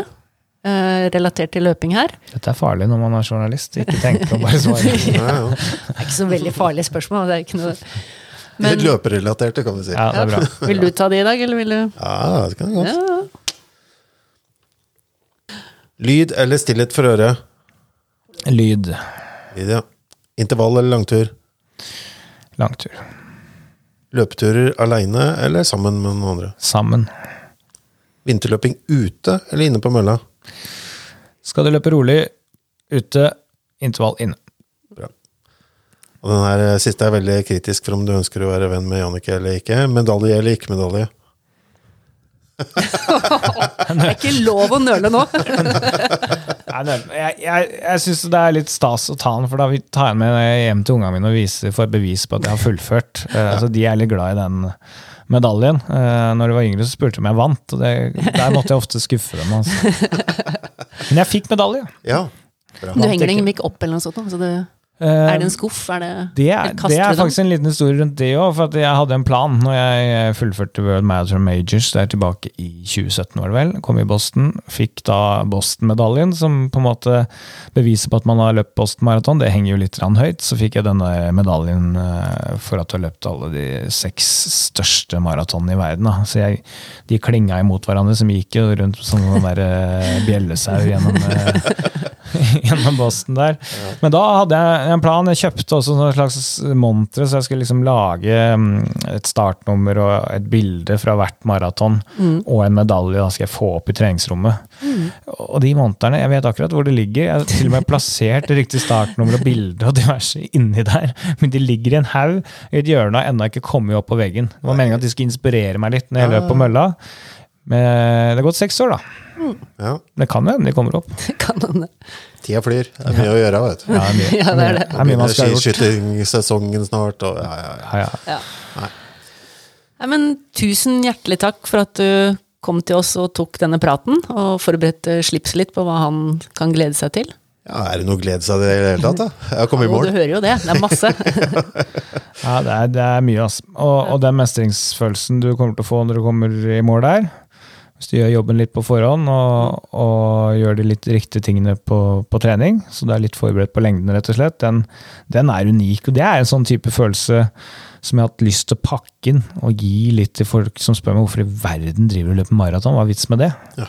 Så jeg kunne gitt dem en smakebit på den følelsen man får når man går i mål, f.eks. i New York. da et av de heftigste løpene. Ehm, da hadde de skjønt veldig mye mer. Det tror jeg du også kommer til å skjønne når du kommer i mål der. Og Hvis du ikke gidder å, å, å trene og forberede deg til det, så er det på en måte ikke håp uh, for noe løp, for det er et av de aller aller største. Så hver gang du tviler litt neste år på om du skal løpe en økt, så skal du visuelt forestille seg at du står på startstreken i New York, titter oppover denne broa, vet at Manhattan Skyland er ute til eh, venstre der. Kanskje kan du høre litt eh, amerikansk nasjonalsang, eller eventuelt Frank Sinatra, New York, New York på øret der. Mm. så kan du tenke at jeg har lyst til å stå der, forberedt på at jeg skal løpe maraton. Og ikke stå der og være i tvil fordi at jeg ikke gadd å gå ut nå. Da går du ut og trener. Mm, vite at du har gjort jobben. Det er stor forskjell på det, stå på startstreken og vite det. Det tror jeg, med, med Satan sin hjelp, så Det ligger i navnet sitt. kan det ligge til rette for det. Ja, men Tusen takk, eh, Jan. Eh, Ikke minst eh, lykke til i New York Marathon. Tusen hjertelig takk. Det trenger jeg. Det var veldig hyggelig å ha deg her på besøk. Hva skal vi dra med oss fra, fra denne praten, Jannicke? Så det er du som må dra med deg noe fra dette. Jeg kjenner jo ganske mye av dette fra før. Ja, det gjør det. Eh, sånn som jeg har forstått det, så kan det i hvert fall virke som at andre halvdel er tyngre enn første. Det er det stort sett alltid. Ja, men både sånn løypeprofil også, da, Ja, ja. kan du si. Ja, var det jeg tenkte på. Eh, tidlig opp på morgenen. Det kan være kaldt, men det kan være jækla varmt òg. ja. Og så er jo gulroten der etter eh, 42 195 meter, da. Men kanskje det aller viktigste her er kontinuitet og gjøre jobben i forkant. Yes. Yes. Det skal vi få til. Det skal vi få til. Ja, for nå har jo faktisk det første snøfallet kommet i dag. Vi var ute og løp eh, gjennom snø og vind. Ja. Eh, og nå var det jo riktignok litt sliten i beina etter slitemila og Slitusprinten også, men eh, Og så når vi kommer inn på eh, studio her, så sier du at du tror kanskje det blir litt tøft å trene fire ganger i uka gjennom hele vinteren. Ja, Hvis det skal være sånn her hver gang. Men nå, nei, det er som du sier, da, at det, det sitter litt i den fra i går òg. Ja, det gjør det nok. Ja. Uh, og så sa jo jeg at det, du skal ikke ta en beslutning om at du ikke orker det gjennom hele vinteren.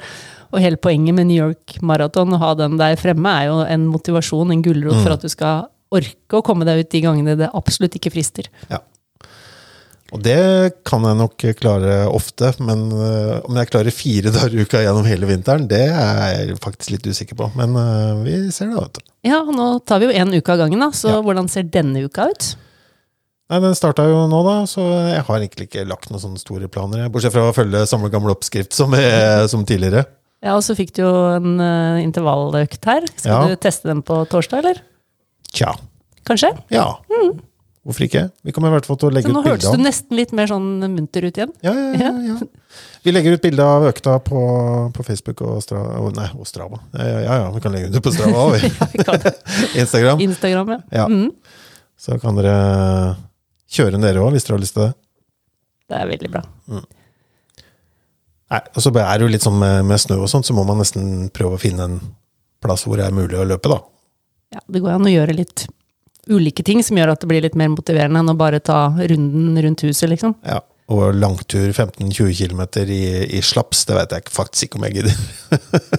Man kan føle seg litt sånn ekstra gæren når man gjør sånne ting. Ja. sånn, det er utrolig godt når man kommer hjem og har gjort det. Og. Det, ja, det går an å finne glede underveis òg, men eh, jeg, jeg er helt enig. Jeg gleder meg ikke til denne sesongen her selv. Nei, Nei det, det er litt tyngre. Det er det. Neste episode, da, Ja. den kommer jo snart. ja, den kommer allerede neste uke. Igjen. Igjen, ja. ja. Ja. Vi, vi, vi skal ikke love at vi har en sending hver uke nå, for det, det kommer vi ikke til. til. Men uh, nå, det er så mye som skjer nå, Mm. så da legger vi på litt ekstra. Ja, vi får både bonus eh, med race report fra Jan fra Ja. New York, Ja, og så får vi se da om eh, jeg har noen race report å komme fra Stockholm. jeg får virkelig håpet at du har det. Jeg håper også for så vidt det. At du ikke regner bort.